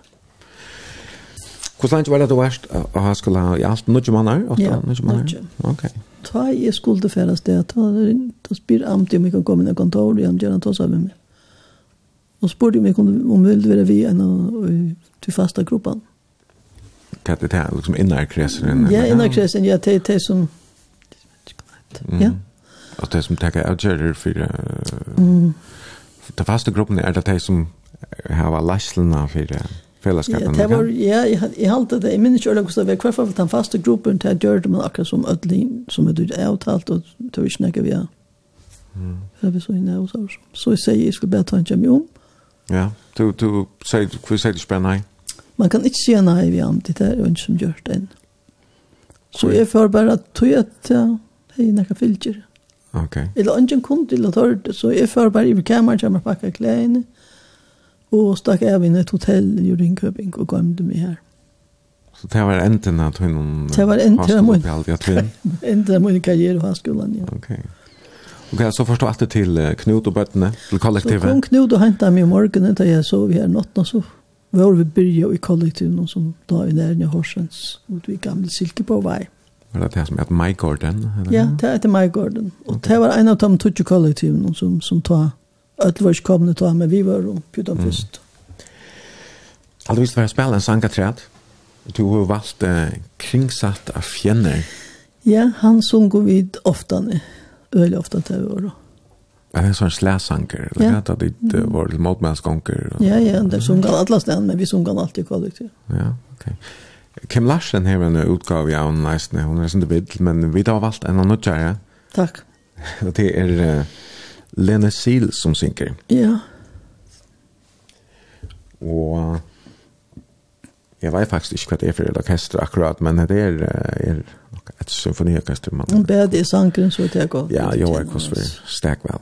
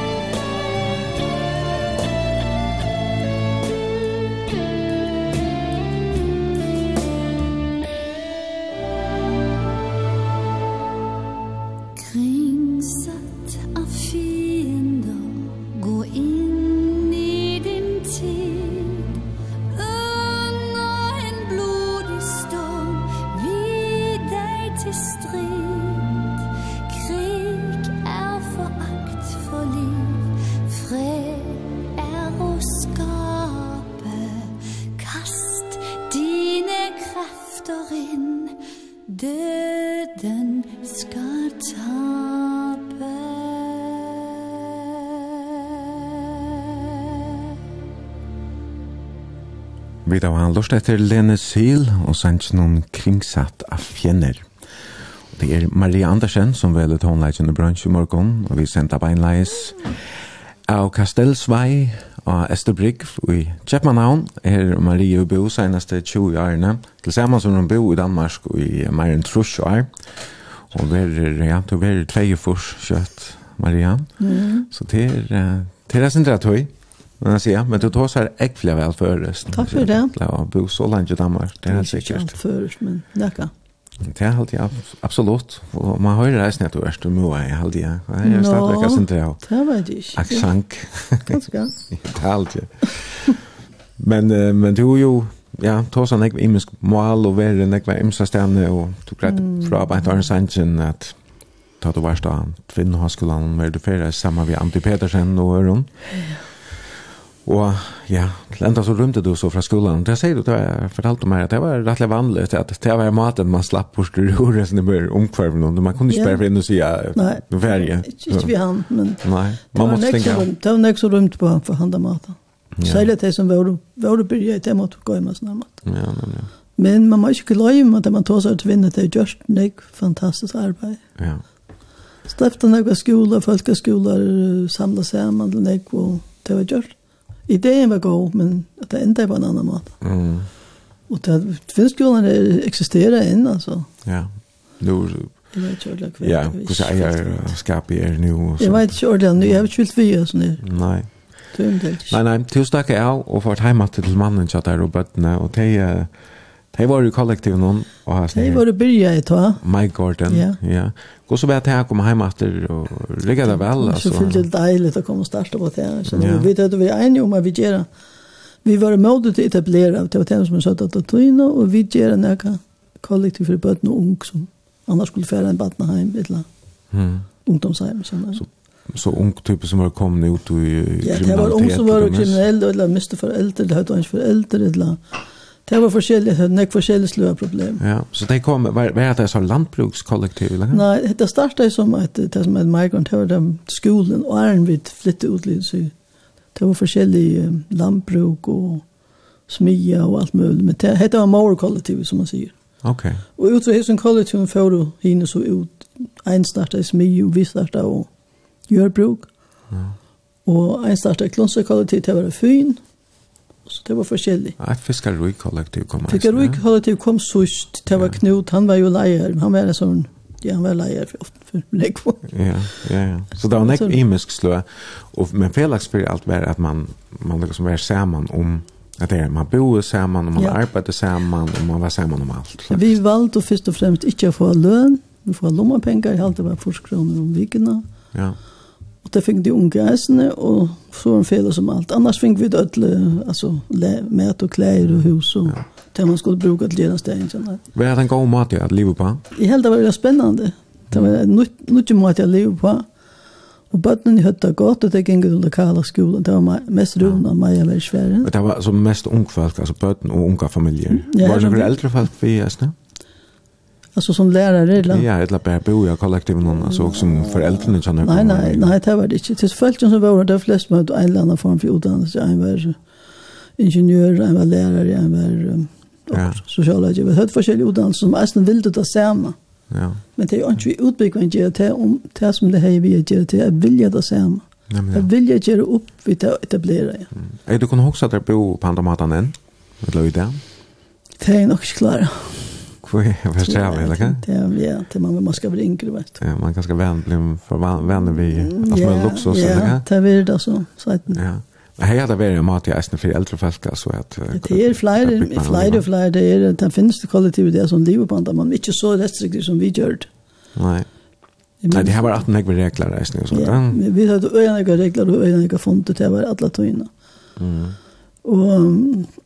Och så tenta vi gikk ut for at man skulle alle være enige, og det unge skulle oppleve mest mulig og spennende ting, og ut av sikla, ut av ferierast, og lære å være sammen vi gjør dem, mm -hmm. og særlig å være sammen med de vaksne, vaksne og bøttene ut av sammen. Ja.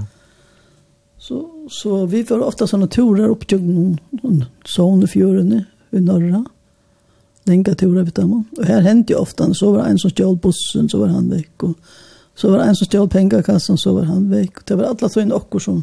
Akkurat de unge, alltså? Ja, ja, så de unge. Mm. Så måste vi leide et time når vi får kunna föra vad Og Och det var, ja, det var klart, det var kriminell ung som hadde vi och böd som hade det svært. Men vi hadde gav opplevelse sammen med dem och delte det här lojväsen. Så. Mm og de lærte så at, at fungera i så här. Det lärde. Isolera igen men kollektiv värden eller något. Det gjorde så kom det var det som kom vad gör det så är vad gör du knut blev skilta för är att jag gör på kollektiv som ligger ikke lengt herfra. Ja. Og det er så fyllt det var det svårt att bli skilt det er det jo. Men men det kanske fyllde vi mer men Jag husker om det kanske var svært at leva som gifter i en sån kollektivitet att man levde inte med familjen i ekteskap, ja? Nej, det gjør man inte. Man var mer frustrit över... Men man kunde det alltså när jag vi gör om hvis man är hotell det eller så. Ja, tar väl det tar två som är sjukt att jag väl lov i tojen men det gjør vi så inte men men det låg i tojen ja. Men jag är inte än och det var det så. Ja. men så kan vi kan kan vi jalousi och så det är ett problem där kan du. Jo, det var det som det var som det alltid var det där var men det var som det var det var en check med något gör tog helt det och så man skulle göra man skulle gjøre alt om. Men kan vara det som som tror det tid blue skilt till snart. Altså Knut uh, i halt i han är har funnet Lise og Herren, og han snakker ikke noe om det men hun bor bo i en kollektiv där kom fra. Men det har aldrig känner vi men tar vi två om det, så ble det det. Okej. Okay at hon fyllde vi, da vi flyttet fra Meigaren, så flyttet hun vi, og så flyttet hun her til. Da vi flyttet til Jørbergskollet, så flyttet hun av Meigaren. Så svært. Ok. Men så fyllde bare ringte først, da man skulle ikke vende seg til, bøttene fyllde vi mer, og... Men vi, det var, vi blev omgang, så jeg vinner og sånt. Så vi kom og och og livet på samme måte. Ja. Kollet hun møttes i heilen, så skulle alle fundet, så skulle vi hjelpa hver en med å bygge et eller annet, gjøre akkurat. Og så skulle vi sykla sammen, så vi var sammen alle tøyene lykka va? Så altså, Knut ble verandre av Mike Orton? Ja, inntil vi gjør. Han startet så kollektiv som kom i gang sættene. Og det enda vi tok en liv av det, for å sykla til hans tolm og Var det, brukte han da båten som... Nei, da hadde vi en annen utgjent båt. Ok, en større kanskje. Ja, og den båten er et Anton Makarenko. Mm Han är ja, han var han var kallar upp till russiska pedagogen som mm. hjälpte bötten att han första världskriget. Okej. Okay. Det var hemlös böt som gick i Ryssland och följde läs böt och han samlade upp. Ja. Och skriva bögen om vägen till livet. Okej. Okay. Han också blei okkara bøybel ombord, og det unge skulle høyre seg bøtjen, vi låsa et kapittel, det var ombord et kapittel hver dag. Ja. Og det blei øyelig opptidsen av det, vi oppdaget at dette er som Det er vilkår som de selv har haft. Ja. Og selv om det var i middelen første verdenskrig, da det var lengst siden. Men tempoen ble akkurat bøybel ombord. Mm -hmm. Og det er hun for glede igjen. Knut han han flott så sett ni att här fiskar rui kollektiv här ja. det arbetar vi fisk ja och, och Det ligger oppe i gren nu her bor en en toj och så så bor en fiskar rui kollektiv och så kommer han lägga upp privat mm. samman vid Lise og i närheten av gren nu. Jeg vet ikke, det tror jeg at du valgte at vi skulle høre den her vinn opp, vinn opp i rå. Jo, det er det vi sunker alt. Om båda baten om det? Ja, bor av baten. Det unge helt, danska helt av Ulla Mersli sanger, men det, er et hånden var det glede for, ja. Ok, det, det, er, det er kanskje en mer føreske sanger. Ja, ja, det visste ikke ordet hva det handler om, det var nede, men det ble akkurat sanger. Ja, men vi har her her skal Harskalia og Ja, det er altså 2400 eller Facebook-synsja brunch, det er BRUNSJ, der du kan senda halsan, vimersingar eller spurningar.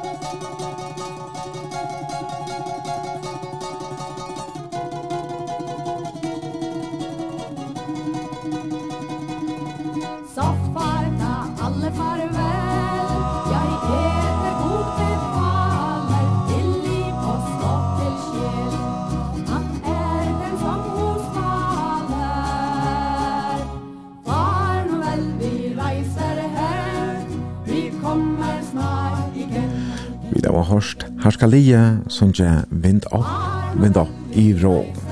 Og det er Maria Andersen som er gestur i bransj i morgon, vi narkast enda noen. Det var sent her av Kastelsvei, av Estebrygg i Kjepmannhavn nu i kjøtt tvær timer.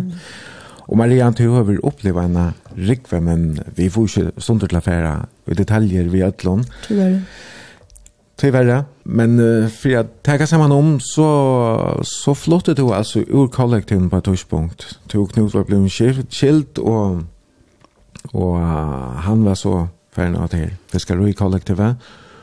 Och um, du uh, flottade på ett tidspunkt samman med döden och jag där. Vet inte akkurat när det var. Vet inte sista halv fjärsen om det också, right? Jo, jo, jo, jag blev. Vi bor nära. Och så igen, har du inte bo kollektivet. Så du bor ju i bo. Ja, jag bor i huset som är köpt. Ja, och nu är det här stå leje i bo. Ja. Ja. Men uh, du har uh, Gintju eller nek var motmælesgonker og eisen i Øren London, med landa så Jack Steiner fra Stockholm til Paris, eller de kom på i Holland i alt, ja. Mm, ja. Ta var Knut og, og nuverande konan, eller den som... Lisa var vi, ja. Ja, Lisa, og, og bøttene var eisen. Det var mot og Hiroshima og Nagasaki. Ja, aldri mer i krig. Ja. Mm. Og det er sånn noe som enn uh, Ja, det er enn, ja. Altså, ja. onker helt vakt enn ved Kristiansborg. Her har vi eisens der i. Ja. Hun tog noen år. Og hva stendte man her ved en skilt? Ja, stend man det. Neste skriver man hva det er man sender fyr, og så gjør det sånn ring på fløk. Og så. Ja, ok. Ja, ja. To uh, Jack Eisen et år at han mars lærer høyskole i Aarhus, et årskursus, kursus for, for badnapedagoger, eller ja. nomsfrøyngar. Ja Her tog med landa skriva en oppgave sammen med grønlandskar kvinna om... Uh, og, og islandskar. Og islandskar. Og det var om kvinner fra utnorre. Ja, identitetsfølelse hos et mindretal i Nord. Mm -hmm. Ja. Døteren kjøttar var flott her heimann fra ta Ja.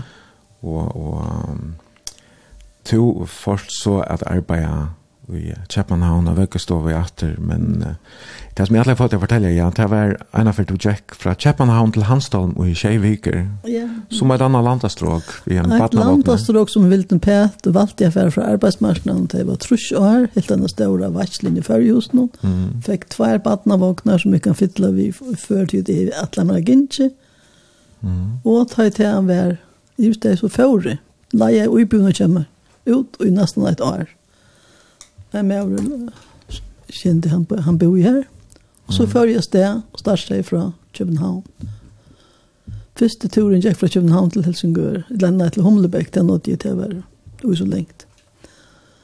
Men til jeg var ved her, og så tar jeg var halvan ved, så tenkte jeg her er alt for meg. og jeg har fyllt badnavang med, med bøkken og bøkken og alt om det.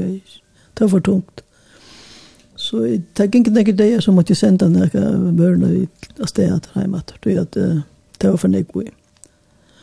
Men hesen turen som var avslutning på mitt arbeidsmarknad, det var eisne en tur som gjør det etter Jack-døkken resten av meg, eller til livet som er i livet i Danmark.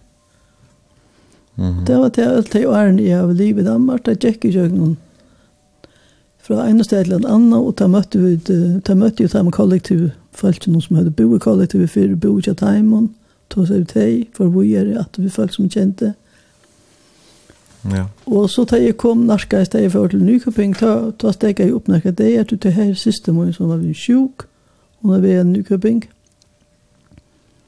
Och här var det så några flere dagar att det var en stor sorg och kunde skulle jeg vise 16 år gamla till som alle føringer var sända till Danmark då. Mm og i psykiatrina. Så här, här var det några dagar och gick runt och tänkte på Gustav Värd henne jag var här. Så kom ni som 16 år gång.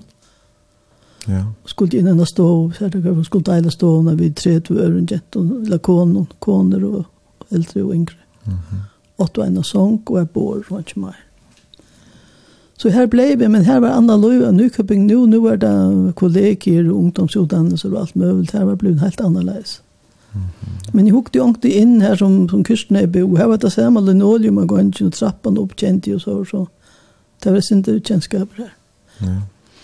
Men te, her stekker jeg jo an til turen och du så får förra bojare og så atra vi jag forskjellige kollektiven som som er vår enn og som er vår bare privatfolk. Og Kirsten annars lukket for rundt at jeg har, altså, hva er en lunch her? Hun var lukar till psykiatrin kom til färg og det var jag fjärsen. Ok. Okay. Og det er han på rundt färgen? Det har han gott lov, han bor i Estan Hei, og har han gott lov, han har gott leilighet her, og har det gott. Okej. Ja, nei, men, um, men du hever, du brenner inne med nekvånd her mest, Maria, ja, nekvånd du kunne huske at jeg fortalte rett. Ja. Jeg kan lukka remsa noen ting som vi eisen hørte prata om og Joar, og annars så varst du eisen en, en gongtur fra, selv fra, fra Aalborg til Valstena i Svørja, og du ja. hever Kinji Camino i Spanien, eisen, ja. Ja, tverfri. Og jeg vet ikke om du nevnte det, men du er eisen veldig frivillig i, i uh, Københavns Domkirke i 20 år. Ja, det er vi. Du hjalp til. Ja. Men, um, altså enda mal, eller alt her som du alltid har finnst vi, utan løyve, det er at du har Jeg største sin remote de etablerer, ja? Ja, etablerer, vi vet hvor remote de etablerer. Vi vil ikke arbeid for at det er bedre time som var fattig, og det som høyt annerledes. Ja, det et bedre samfunn for ødel. Et bedre samfunn for ødel, nå sier du det er. Ja, men de var ikke kommunister, eller som anker kanskje av det skorste skorstikken. Nei, det var det ikke. Nei. Tar du nå hikker etter, altså her togene, lukka fra trusjen og fjersen og fram til det, Først enn så etter som vinner, er det fellesskaperen, eller er det individualisteren, eller individualismen? Tog var det fellesskaperen sin til bare to, og til vi arbeider for fri og sånn, sånne, til kunne vi godt begynne på atter til halv det er. Nå har vi akkurat vel det store klimademonstrationer for alt trus tusen folk vil. Ja. Kristiansborg her var det nekka timmar nu en dag. Ja, vi har også eisne at det er friarvaktene som du har. Ja, og friarvaktene er her enn, og folk arbeider for, men det er for lydig og tog i forhold til alt det som er det, krutsk, mm. krutsk. Men vi der, ja, vi der nesten som støv i alt det her, høytaner om atomkrutsk og annet. Det er verre, men det er det vi arbeider for, og så. Held du fellesskapene er der for veitjer i det, altså ja, omkvarvesfellesskaper. Ja, det kunne være flere som gjør det, men jeg vet det. Det er alvorlig, vi lever innan det. Tog mer alvorlig, nesten klimamessig. Ja. Jeg mener, jeg tar ikke, kanskje det vi tar ikke på at den dagen vi var litt med så sjøen, men klimaet, da var det 20 grader i november, 1. november. Mm. Så tenkte jeg, åh, her sier jeg Ja. Ja, solen er skin i allan det eisne, og jeg har hans at etter min, her tomaten her, her stand her, og ja. fotlen blomma, så er nesten som er klar, ja, det er sånn løye. Ja, det er det. Men uh, Maria, du færes jaunan til fyrjere, og... Ofte fyrjere. Nei, først du, neste fyrjere til. Jag för för kvar fall i maj månad. Okej. Okay. Flera av er om sommarresan ofta Ola så ja. ofta och ofta Ola så jag är tog, men jeg er alltid förr når vi alltid gick i heien, jeg gick ju det nu på neko här. Ja. Och jag vill säga så jeg check ut det nu på andre var moderne gäng. Det tar helt och gäng är kon för att det inte se hejan måtte gjøre det også nytt og det fick så ofte nytt. För jag og kom vi og kommer på inn og för hem hvor en bil kom her, så no, men det. Mm. Ja. Hvordan er annars alt du alt du nekker til flyt alt til ferie? Ja, det kan til for sent. Jeg har jo lenge om bøtten, om bøtten og bøtten her, så. Så her vil du være lukket til uh, ja. til sørste der? Altså, jeg er rest eisne? Ja. ja. Du vil... Skulle synge han da sangen vinn han den her kringsetta fjenden til mine gjerfer. Ja. Det har vi besluttet. Ok. Og Maria, her kom når nekvar var halsene. Jeg har lært å lese omkring det av henne. Er jeg lige nu? Nei. uh, är det så ringt? Nei, det er ikke ringt, men jag vill gärna fortelle mer. Ja, ja. Men det här släpper du kanske hvis du uh, svärar på omkring som spårning ner. Okej. Okay.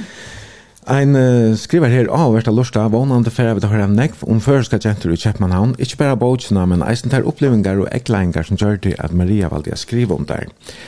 Ja, Men vi må ikke bare gjøre en sending at det er jo ikke annet å gjøre til at uh, vi får ikke alt vi det. Så her er en helsan eisne fra en uh, sørvokskvinne. Hun skriver Hei Eifen, helsa Maria, hun du så vel, jeg sier fra, deil, jeg sier du lust etter henne. Minnes alltid hun kom hjem til følger, alltid så fint. Jeg skriver tar til skålen, oh, sørva jeg. Ja, det kjenner jeg, ja. Og det er flere ånder som har som har sendt der uh, hälsaner. Um, Maria var alltid så hofärslig da hun kom inn av gulvet til Jakob, Kem og Ketty. Ja. Ja. Jeg sender helsa Marie fra meg. Hun var arbeidsjenta til åkken først i trusjonen. Jeg minnes denne veien som fitta og festlige. Så det er en som skriver klaveret til Rikmor er inne til Heina. Ja, vi snakker om at det er klaveret. Ja, hun er en som uh, skriver reisende.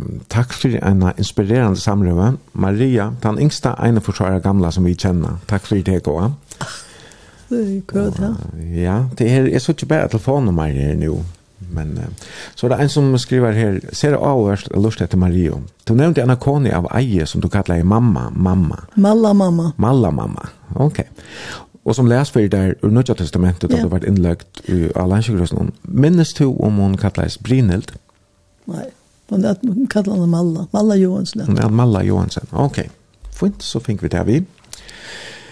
En annan skriver her fantastisk, da om mennesker som er drien av idealisme og ikke av penken, og hun har litt samståndes, om hun kanskje også er ung, hvordan, hvordan støvann er annars. Det er jo brøtt bare at han velger veien, kan man si, at det er ryker blir ryker det fattar det blir fattar. Det måste man si, Ja, Ja, men jag skriver, jeg ni stod til å lusta etter det kon känner ich kvinnorna, men takk for det kon. Så er en her fra. siste dunna, du snakker om henne, nevnte han ikke før, hun skriver, gå Maria siste. Det godt å lusta etter, jeg får tolja opp i morgen, så jeg kunne få alt vi. Takk Tack för alla goda vidtjande. Vanande våra flere etter at, ha det godt. Mm, Hei, Kirsten. Käraste hälsan til Kirsten. Ja. Hei, Kirsten. Ja. ja, En skriver og spyr om um, Han skriver, hei bransj, kan jeg få navnet av bokene til Maria Andersen, titlen og hver hun kan få til kjeps? Kan man overhøver kjepa noe i det? Bokene? Det vet jeg ikke. Hun er det først at jenter kjepmann av hun. Ja, først at jenter kjepmann av hun. Ja, det er det. Og først. Ja. Men, uh, men jeg skriver her, å, hva hvert å høre det greia fra. Du og Ginger og Miva i mye og er, Ja, og då sa vi Maria tar vi ett ja, mötst, men omgang omkant har vi vid om löjvänner. Ja, det er flere som sier at det er avvärst eller lust etter. Ja, det ja. Och skriva i sina spett at sendingen ikke är värre långt er Jag släcker Leo, men det slipper släpper släpper jag sig mer. Och svina. Ja, nei, det er det. Ja, Er, ja, men jeg kan inte veta att hur en gång så kjøtt. Altså, så kan man enkla man ta tar sig för en och andra början. Så jag säger at man sender live med igen. Ja, ok. Men uh, vi kunne godt ta en samling opp att att man kan sända en airfare. En airfare, ja. problem. Det var det særlig at du också om å få via träd alla två som där det kill vi kallade pilgrimturen där på Vadstena og i Camino Ja. Og jeg synes mer langt om den turen der jeg før. Tjekk tjekk om Danmark og Seis, Kjeviker. Ja, ja. Til hans tål. Nemlig, ja. Det er jo en kjolderhans sagan som er viljan. Ja, det er det. Det er en helt spesiell tur, og folk så sa, hva gjør du her, en kona ganger i landet, men ja. Men da snakker av folk som jeg annars ikke i tås møtt, og bjør inn. Så blir livet som en slag landastrøtja. Så du, du bor ganske av Gistingarhusen og hotellet? Nei, nei, det bor mest kjøfølt, og så hver så i Svevn i Gastrand. Ja, ok. Det är väl ett land och stråk, men det passar mig fint. Mm. Men Marianne, vi får enda vid en sanche som du har valt till uh, tjejen till dig. Bland, ja, Roland. I alla samband vid Roland, ja. Det så han blev sjuk för uh, två månader så igen. Ja, ja tyvärr fick han demens. Ja. Men det som vi hade samman när vi gick ofta när play hem och vi kunde synja samman. Det ja. minst han minns bättre för danska sanche utan att. Ja. Vi så det blir synja så så lukkar han opp, altså. Ja, han minns han inte. Mhm. Og det er så særlig jeg här. Jag såg nog kvalitet plantasjene. Ja, han kjente bare kände bäst som jag kan nu ofta samman då. Maria, jeg får takke deg for at du kom komme og vitsa det. Her i morgen. det var stek av av verst og hun har litt. Takk og lykke med det. Hva skal jeg gjøre ved det? Ja, det må vi. Det må vi. Ja for jeg skal takke til som har lyst og å fyre alle vimerkningene her og helsene som vi da finner. Til å slippe å lese alle rettene av Maria. Jeg er ikke helt rett. Hetta var altså bransj hesa for gestur var Maria Andersen. Jeg er Eifen Jensen, og bare at vi brunch og nå er gestor kommer til det klokkan 5 minutter i tøtje. Vi enda vi simma og taimon og sannsyn et sunnekveld i plantasjene. Bye. Takk til oss som lort, Eian gott vikeskifte, alle sammen. Takk for og farvel. Hei.